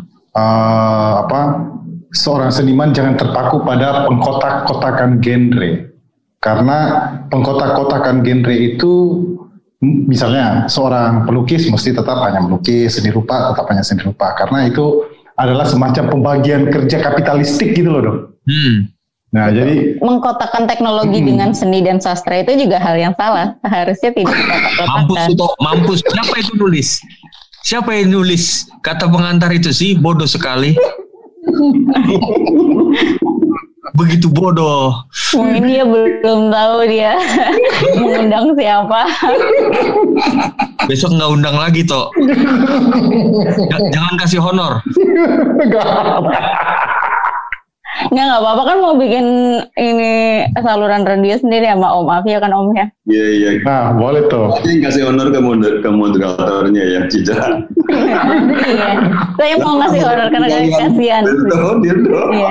Iya, kita patungan deh Om, kasih honor ke, oh, ke Mas Edo. Kasihan gitu salah kita. Keterlaluan. Oh. Nah, apa yang kita bayangkan tuh kok hilang gitu loh, udah balas gue begini. Uh, gagal, gagal. Uh, Mak, aku mau nanya ke Om Af. mengkotak-kotakan soal. Oh enggak, bukan, bukan. Aku nanya ke Om Af nih. Mm -hmm. uh, soal ini, ketika misalkan kita bekerja dengan mesin sepenuhnya gitu Om. Kan Om tadi bekerja dengan mesin tik, Om bilang tuh apa oh, pikiran Om dibatasi oleh kertas, dibatasi oleh lebarnya kertas, margin dan sebagainya gitu. Nah, apakah dengan mesin romantisisme semacam itu nanti hilang tuh Om? Tetap ada Dido. Misalnya uh, sebulan gitu, aku duduk di depan laptop terus gitu. Karena muncul satu pertanyaan, apa yang terjadi dengan tubuhku? di luar sana ada sesuatu kenapa nggak kamu tidak menyentuhnya gitu selalu ada ada ada apa ya ada sesuatu yang jadi bolak-balik terus menerus gitu ya. Uh, kita masuk kita keluar lagi dan menurutku memang kita hidup seperti berada dalam ritual seperti itu ya. Keluar masuk keluar masuk gitu. Kalau sepenuhnya tenggelam di satu medium uh, juga nggak oke okay juga karena aku bisa sebulan jalan apalagi ada duit gitu ya. Uh, dan lupa sama laptop gitu dan memang harus begitu kayaknya ya. Uh, aku nggak tahu Cica karena kamu kan dunia kamu dunia laptop. program ya. laptop nih kayaknya. Iya. Apakah laptop itu jadi ladang ladang total gitu ya? Atau dia ya ladang dari sekian banyak ladang yang ladang-ladang lain nggak perlu nggak perlu juga kita lupakan ya. Kadang-kadang aku uh, main-main gimana ya hidup di zaman sebelum Homo sapien ya. Menarik ya, ya hidup di zaman sebelum Homo sapien gitu. Ada hal-hal kayak gitu ya. Jadi tetap ada romantisme uh, Dirdo. Kalau Kak Cica gimana? Kak Cica Tapi terkait romantisme ya. Enggak, enggak, enggak, bukan, bukan. Aku bukan mana Ada pertanyaan lain, Oh, ada oke. pertanyaan lain dong. Oh pertanyaan ke aku nggak tentang yang romantis-romantis. Oh, iya, Pertanyaan ke aku ntar tentang yang seolah-olah ini mau mesin, framing nanti mesin. kayak aku tuh orangnya eng eng kayak yang orangnya tuh arogan, kaku gitu kan. Padahal saya juga manusia loh. Kita ngambek loh. Edo nih yang bikin pertanyaan nih Om. Eh, gimana kalau Gimana, soal gimana? romantisisme Kak Cica? Apakah Kak Oke. Cica pernah kehilangan ketika Kak Cica bekerja setiap hari dengan mesin Program. dan kecerdasan Bahasa programming. Ah, gitu? Apa apa eh, Kak Cica eh, pernah merasakan teknologi lain nggak selain teknologi sekarang ini? Kalau kayak Om Af kan pernah merasakan mesin ketik tuh tadi. Ya, Lu itu dong. tidak semudah itu ya. Tentunya saya juga melewati melewati melewati evolusi bahkan handphone aja gitu ya dari zaman ke zaman kan bentuknya juga Hmm. eh, berevolusi gitu ya semakin berkembang. Tapi balik lagi terkait romantisme ya. Menurut saya romantisme itu kan terlepas dari objek ya. Sedangkan saya itu memandang teknologi itu sebagai objek gitu. Jadi kita tuh kan bisa menemukan romantisme itu di bahkan nggak ngerti romantisme itu ditemukan, diciptakan atau datang sendiri ke kita atau bagaimana sih sebetulnya romantisme itu? Tapi saya nggak nggak ngerasa teknologi itu mengancam romantisme itu hilang gitu ya karena balik lagi saya rasa itu bukan bukan hal yang head to head gitu. Jadi datang Hmm. romantisme, datang teknologi terus berantem terus romantisme mati gitu. Saya rasa itu bukan gitu. Itu konteks yang berbeda dan sampai kapan pun saya rasa romantisme itu akan ada gitu. Regardless ntar secanggih apa pun teknologinya, secanggih apa pun itu gitu. Karena menurut saya sih romantisme itu terlepas dari objek. Mampus Om, setuju nggak Om? Mampus lu dong. Setuju, setuju Cica. Setuju ya? Maksudnya gini loh, kita ngomongin apakah teknologi itu menghilangkan romantisme? wayang kok Cica. Apa? Gimana? Ini dalam dunia, dunia wayang kok. Iya, makanya itu dia. Em, itu dia gitu. Ini apa Tapi sih? menurut saya Ma- malam apa ini narasumber bekerja sama untuk menyerang moderator tuh apa? Karena karena narasumbernya merasa diadu domba dong. Waduh, salah besar narasumber. Heeh. Narasumber salah. Narasumber salah. narasumbernya yang salah. Oke, oke. Baru kali ini jadi narasumber yang Gini loh, gini salah. loh, gini, gini loh. Gini loh Om Af dan Kak Cica ya. Coba, coba tuh. Kan namanya program ini titik dua. Titik dua itu Oke. selalu mencari jalan tengah. Oke, ketemu nggak kira-kira jalan tengahnya di sini? Zen. Kalau enggak berarti program ini gagal. Pernah nggak program ini gagal sebelumnya? Selalu gagal Atau program kali ini gagal gagal? sih. Oh selalu gagal. Oke, berarti berarti nggak masalah dong. Kita nggak memecahkan rekor apa pun kan? Berarti ya memang sudah sesuai ekspektasi kan? Ya nggak? Iya. Iya aja lah Mas Wirto biar cepet gitu ya. Enggak, ta- tapi kalau kalau gue ekspektasinya ketika ingin mengangkat tema ini tuh semacam membayangkan akan ketemu semacam goncangan-goncangan gitu loh. Sebenarnya ya, Oke. Uh, goncangan-goncangan antara wah ini kok misalnya gini nih, wah ini kok puisi udah dibikin sama udah bisa dibikin melalui aplikasi ya, misalnya kayak gitu. Pertanyaan kayak gitu kan. Hmm. Itu kan sesuatu yang mungkin uh, apa cukup cukup apa istilahnya uh, enggak mengganggu banget tapi cukup me, ya mengganggu lah ya cukup mengganggu gitu cukup mengganggu terhadap ini. Maksudnya kalau dia udah bikin puisi ya memang maksudnya puisi itu kan udah lebih ya ini bisa om af. Ini juga sih kalau untuk saya pribadi kan puisi itu lebih sulit gitu ya daripada misalnya cerpen gitu misalnya atau misalnya uh, novel. novel gitu. Puisi itu lebih sulit gitu untuk mendapatkan makna yang lumayan mendapatkan efek yang oke okay, gitu. Dia tuh lebih sulit ketimbang cerpen gitu. Nah mungkin kalau cerpen misalnya uh, ngebayangin sebuah uh, AI yang bisa me mengkombinasikan dari banyak status orang misalnya gitu ya status orang di Facebook jadi cerpen gitu masih bisa kebayang tuh kalimat-kalimat digabung atau cerita pengalaman orang digabung bisa menjadi sebuah tinggal diganti subjeknya disamain atau objeknya disamain. Wah itu Mas Bir tuh udah udah itu tuh udah mastering AI nih sekarang nih. Hah? Udah paham proses bikinnya, udah paham ini ya tuh.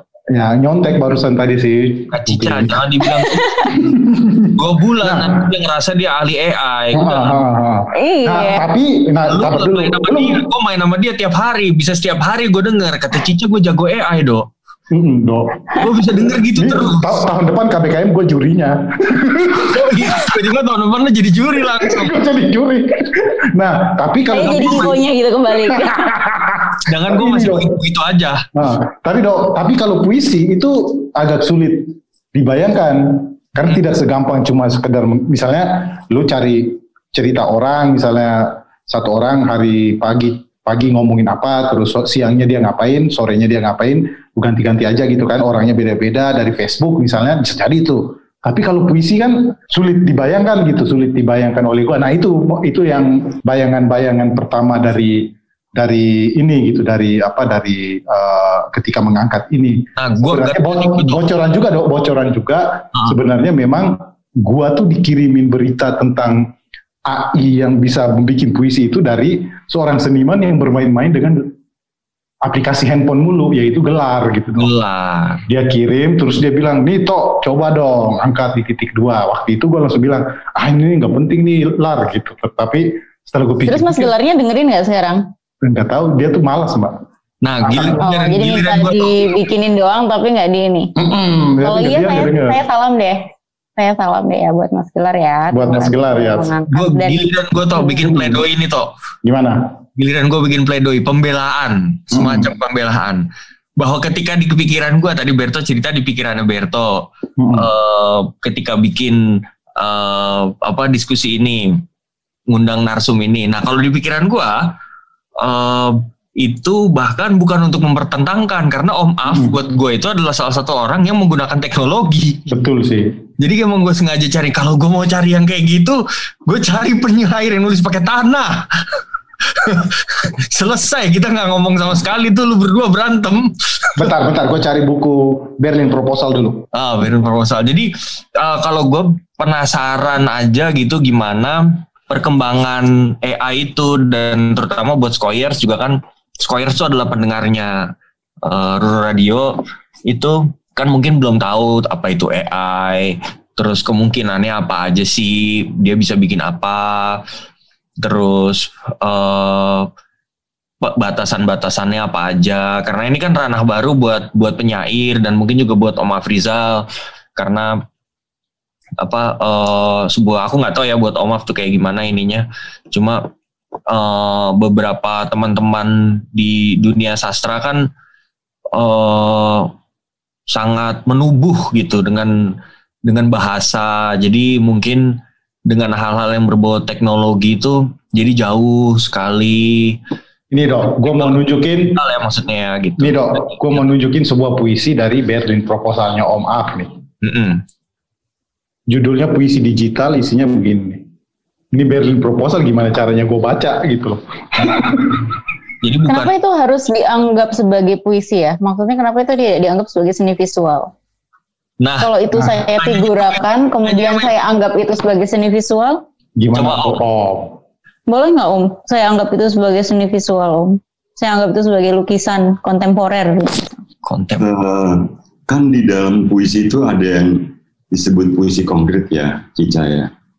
Uh, sebenarnya ada istilah lain ya untuk uh, puisi konkret ini. Kalau nggak salah, anthemic writer ya. Asemik, asemik. Iya. Jadi tanpa makna semantik. Iya, eh, nggak punya makna gitu. Jadi ada beberapa penyair yang menulis puisi itu ya menulis tapi tidak bisa dibaca gitu. Terus ada penyair namanya Merta kalau nggak salah dari Argentina. Dia menulis eh, seperti huruf-huruf tapi huruf-huruf itu nggak ada di dalam kamus apa pun gitu. Dia bikin bentuk-bentuk baru. Terus ada seorang uh, pengusaha galeri nawarin dia untuk pameran puisi-puisinya dia bilang ini bukan karya seni rupa ini tulisan kok jadi biar biarkan dia ada di dalam buku tidak ada di dalam galeri gitu menurutku apa ya uh, ada semacam kegilaan gitu masuki wilayah-wilayah seperti itu tapi ada contoh yang agak menarik nih ada seorang penyair uh, Herta Muller ya Herta Muller ini kalau tidak salah dia dibesarkan di Rumania di era eh, diktator apa ya lupa namanya dan keluarga jadi korban dari kediktatoran Rumania ini. Nicolas Ceausescu. Ya betul betul. Uh, di kemudian dia uh, pindah ke Berlin dan trauma dia terhadap Rumania itu masih aktif itu setiap dia menggunakan uh, bahasa ibunya gitu karena itu dia kemudian pindah uh, ke bahasa Jerman. Tapi kemudian uh, bahasa tetap membuat dia trauma. Akhirnya dia bekerja dengan dia kan masih hidup di dalam uh, dibesarkan loh oleh media cetak. Dia menggunting kata-kata yang ada di majalah yang di, langganan dia gitu. Majalah, koran. Jadi kata-kata itu dia gunting-gunting, dimasukin ke dalam lacinya. Dan ketika dia menulis, dia me mencomot kata-kata itu di dalam laci dia susun-susun gitu. Jadi bahasa dibuat dipindahkan menjadi sesuatu yang eksternal, uh, Berto. Uh, tidak lagi internal, dia ada di luar gitu. Nah itu salah satu cara dia untuk keluar dari apa ya aktivisme trauma yang yang tertinggal pada bahasa dengan memindahkan bahasa keluar tidak di dalam lagi gitu tidak memiliki mak rujukan makna ya Om. Ya, itu juga kan cara-cara seperti itu juga kan sebenarnya mirip juga dengan mesin juga ya, uh, Cica ya. Dia secara random uh, memilih kata-kata, menyusunnya jadi puisi. Namun efeknya adalah karena kata-kata itu ada di luar, puitikanya juga jadi berubah gitu dan visualisasi puisi juga berubah karena dia tidak mengetik ulang kata-kata itu, Beto kata-kata yang dari mesin dari majalah atau koran itu ditempelkan sebagaimana adanya gitu. Jadi fontnya berbeda, besar kecilnya berbeda. Akhirnya ketika dia menjadi buku, uh, tampilan visualnya sangat menggoda gitu. Tampilan visualnya juga menawarkan puitika tersendiri gitu. Jadi menurutku jadi lebih kaya dan jadi gemanya juga aneh gitu ya.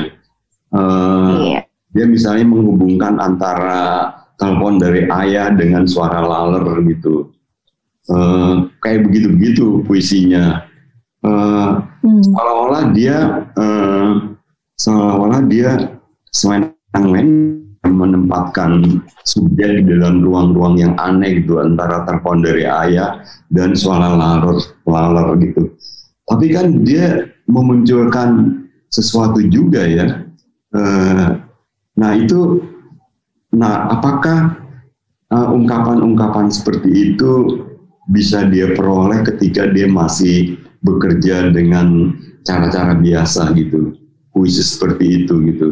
Kadang-kadang itu kan yang susah diduga di dalam kerja penyairan gitu. Bagaimana sih kata-kata itu datang gitu ya? Bagaimana sih ide itu datang gitu? uh, apakah seorang penyair setiap hari dia bekerja menulis puisi gitu? Kalau aku mungkin rasanya lebih banyak melawan untuk tidak menulis gitu daripada menulis. Karena menulis puisi terus menerus juga gila juga gitu ya. Hidup jadi aneh juga gitu. Penyair tulen ya om. Hah? penyair tulen. Nah pertanyaannya saya jadi Pertanyaannya adalah itu Dido bukan salah atau tidak salah atau bangkrut ya ketika teknologi sudah bikin sudah bisa menulis puisi. Soalnya adalah eh, apakah penyairan itu profesi itu? Hmm. Sehingga eh, kamu mendapatkan lawan baru dan kamu kemudian jadi bangkrut gitu. Hmm. Apakah apakah penyair seperti pengusaha media masa cetak gitu ya Om? Nah aku juga inget nih eh, zaman dulu tuh kita pernah ngobrol aku sama Mama Frizal. Nah tadi Kak Cica juga sempat cerita mengenai cara kerja mesin tuh. Apa pembelajaran mesin tuh tadi seperti apa bahwa nanti kita masukin folder eh, sendok sama garpu gitu. Sendok nih kita masukin foto-fotonya sendok kayak gini garpu kayak gini gitu. Sehingga dia akan kenal yang mana sendok yang mana garpu. Nah gue pernah nih toh ngobrol sama Oma Frizal dan gue rasa cara kerjanya mirip toh boleh ngobrol di Galeri Hanafi eh, pameran Ugo Untoro. Oke, kan bareng gua datang. eh bareng. Iya bareng bareng. Kita bareng toh. Pegangan tangan bahkan. Anjing lo. bukan cuma bareng toh. Pegangan tangan. Pegangan tangan bahkan ya. di, di kolam. Jadi ini forum om-om bromance gitu ya. Ica kamu menyakiti hatiku. Kenapa aku dibilang Oh ya maaf. Oh ya harusnya Matanya mas mas juga tuh. bromance. Nah, eh, Om Afrizal bilang, di- dia bilang kayak gini, eh, coba lihat Ugo, dia pakai kata marang, marang ibu. Aku nggak bisa pakai kata marang, aku nggak kenal kata itu. Aku tahu artinya, tapi aku nggak kenal. Kalau kayak gitu sama seperti mesin nggak Kak Cica? Dia nggak kenal kata itu, Hmm. Jadi dia nggak mau pakai. Berarti Om udah kayak robot Om. Memang gue robot. Bukan. Jadi eh, itu tadi apa? Tadi juga Om Ab sempat bilang, oh iya berarti dia itu mirip juga ya caranya sama mesin. Terus tadi Mas Edo juga bilang, berarti apakah aku juga kayak robot? Enggak, robot yang kayak kita. Mesin itu yang kayak si dia yang disebut sama Mas Afrizal tadi. Kenapa sih sampai ada aplikasi first by first? Karena sebelum kita menemukan cara dibuatnya puisi dari mana puisi itu eh, dibuat dengan diskusi malam ini, udah ada duluan orang yang menskemakan bagaimana cara pikiran manusia membuat puisi dan itulah yang dia buat. Kebayang ya. Jadi bukan robot yang kayak bukan kita yang kayak robot, robot yang kayak kita. Robot itu dibuat kan tadi saya bilang kan, dia itu sistem yang menirukan cara kerja manusia dalam melakukan pekerjaan tertentu. Ada orang yang punya target gitu ya.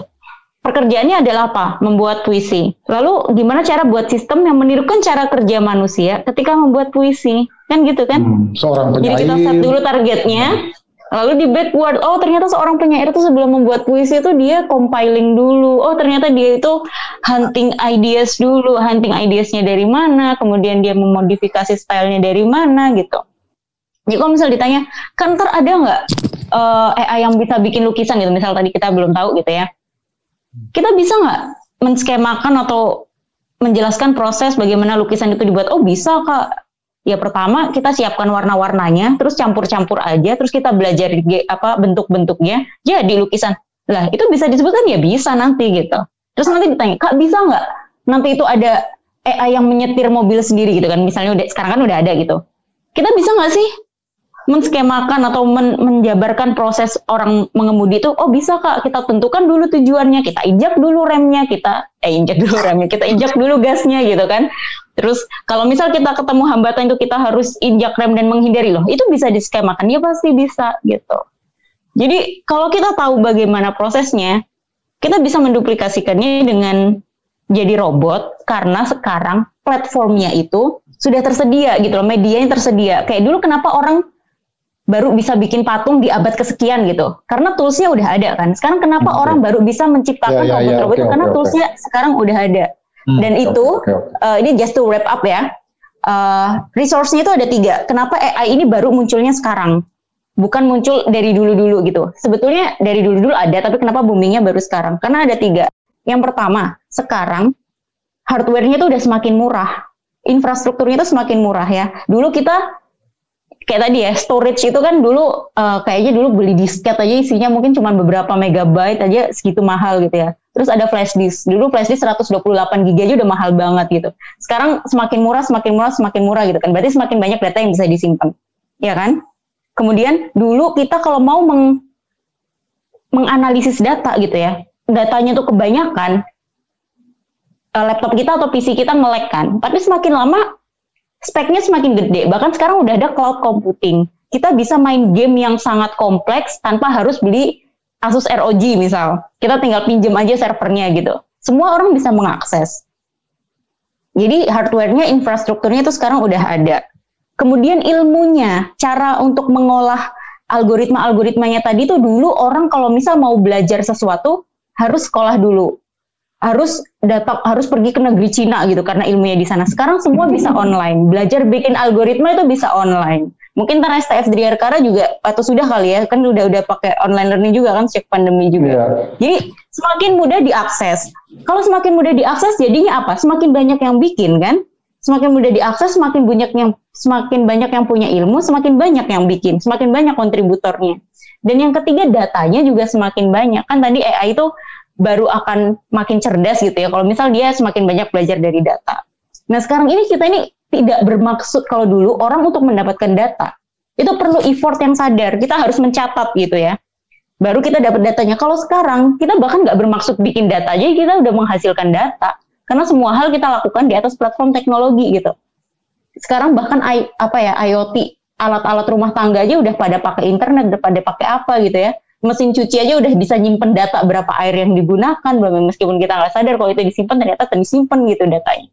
Jadi data ada, infrastruktur ada, ilmunya juga makin gampang diakses gitu. Orang nggak harus kuliah dulu di MIT buat bisa jadi AI engineer gitu. Jadi ya semakin berkembang gitu.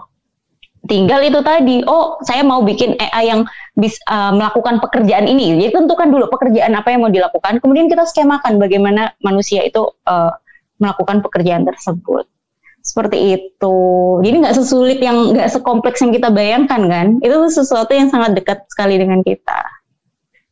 Oke, dari itu. penjelasan Kak Cica tadi yang bisa gue simpulkan adalah Berto harus beli mesin cuci anjing lu.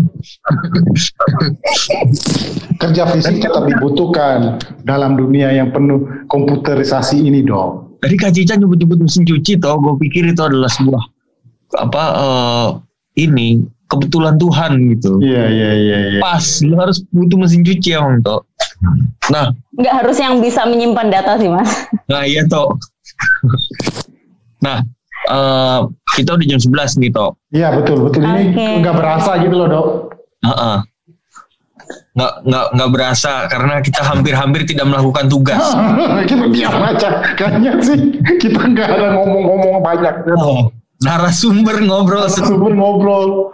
Bagus nih kalau kayak gini nih. Hmm, kita mesti cari narasumber yang kayak gini dok. Oh, harus kita cari nih yang merasa bahwa mereka sedang dilawan-lawankan. Hmm. Padahal hey. enggak. Dok, ah. gue mau baca sebuah puisi dari buku terbarunya Om Afrizal. Uh -uh. Ilusi pinball. Daftar indeks tertancap dalam angka pengangguran kota. Kadang ia bosan. Makan siang pecel lele obat merah bekas gigitan nyamuk tertancap lagi. Pada politik anggaran kota yang gokil, lalat-lalat pemakan popcorn, peterbangan dalam surat-surat jual beli tanah, daftar indeks, mencari data dan arsip, menghapus dirinya dari kategori, sebuah mesin waktu, 1997, menatap 110 desa yang rusak di Ardabil, Iran, oleh gempa sekitar 3.000 orang tewas. Perpustakaan Kongres Amerika membuat web sejarah hari ini. Menerbitkan 52.000 buku fiksi dan non-fiksi. Daftar indeks tak tahu artinya fiksi. Atau abadilah dalam kematian. Untuk pesta lalat-lalat pemakan popcorn, apakah data? Para perancang busana dari konteks ratu kecantikan futuristik menerjang politik anggaran kota yang gokil. Langit berwarna kuning, daftar indeks tertancap lagi di bank data, ramalan cuaca dan mesin pinball mengacak password dalam sebuah puisi, pindah dari spasi ke properti, anggaran sampah dan baju gubernur, dalam susunan, dalam susunan saling melontar angin dan hujan. Sebuah kota dalam baskom menerjang standarisasi honor puisi. Catherine Caulfield menerbitkan Master of Illusion, Bank Dunia dan Kemiskinan Bangsa-Bangsa. Sebuah indeks di pagi hari, bukan hari ini. Udah dong. Mantap. Itu uh, puisi dari Prometheus toh. Prometheus Pinball halaman 2000, 296 sampai 297. Mantap. Oke, uh, terima kasih ya. Uh, Kak Cica. ya. Uh, Skoyers silahkan me, me, me, menyimpulkan sendiri ya dari uh, kuliah dari uh, Kak Cica 4 SKS dan kuliah dari Om Afrizal 4 SKS hari ini gitu. Giliran ada kerjaan tidak dilakukan. Tadi katanya tidak ada kerja. Uh, Iya, enggak karena kan tadi seperti kata Kak Cica kan uh, Apa tuh? ada batasnya. Manusia tuh ada batasnya. Apa? Manusia ada batas. Hmm. Sedangkan mesin tidak ada batasnya Kak Cica.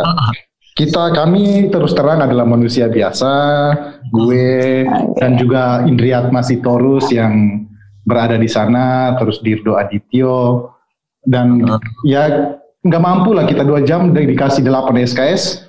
Lu kira gue apaan? Makanya perlu ya. Ada teknologi untuk mensupport orang belajar itu perlu kan ya. Karena kan itu tadi kita ada batasnya gitu ya dalam Betul. menerima informasi. Kalau Nah, too ah, much itu malah ini gitu. That's why diciptakan mesin untuk membantu kita belajar. Betul, itu dia makanya. Nanti apa kita besok kalau ada diskusi-diskusi mengenai teknologi lagi, kita tahu kita tidak akan mengundang siapa ya, Toh. Betul. Radio Bukan kita ya. Kenapa? Kita bikin radio sendiri kan Cica. Dia mau bikin radio sendiri dong. bikin radio Enggak lah, enggak lah, enggak lah kasihan. Udah media cetak udah mau mati, masa radio juga ditambahin kompetisi. Rus, Rus ini, Rus, ini apa hidup kita terancam nih Rus. Congkak sekali, congkak. Silakan Rus. Tenang, tenang, tenang. Aman, aman, aman. Kak Cica, makasih banyak ya. Terima kasih Kak Cica. Terima kasih juga ya. Terima kasih Om Af. Mohon maaf kurang-kurangnya, salah-salahnya. Semua yang diucapkan tadi bercanda. Kalau kita ketemu di lain kesempatan ngopi-ngopi, saya orangnya nggak seperti itu. Oh ini bercanda Mbak tadi Mbak. Kalau bercanda, bercanda tadi. kita ulang lagi nih, biar serius. Tapi apa dong artinya bagus? Kan belum terjawab. Oh iya tuh. Ini deh, itu kesimpulan bagus itu apa? Tok, dok. Apakah? Ya ya ya masa eh, gini oke kalau gitu gini deh gue dok. Ini sorry Om Af sorry Kak Cica ini adalah kalimat penutup dari gue sebagai apa ho, apa sebagai host titik dua ya. Ke- kalimat penutup gue adalah memparafrasekan sebuah pembukaan novel. Apakah yang kamu maksudkan dengan bagus? Pertanyaan dari seorang penyair yang buku-bukunya saya baca itu bergelantungan di langit-langit kamarku. Aku melihat udara tidak bergerak dan waktu ber- seperti dia. Oke, Skoyers, sa- selamat malam. Sampai ketemu di titik dua minggu depan. Terima kasih Kak Cica. Terima kasih Om Afrizal Malna. Eh, kesimpulan saya adalah puisi tetap hidup dalam perubahan zaman dan perubahan teknologi. Terima kasih. Sikat terus. Radio tanpa gelombang, radio kontemporer. Hijauan guru menyapa hari, oh indahnya. Ruru.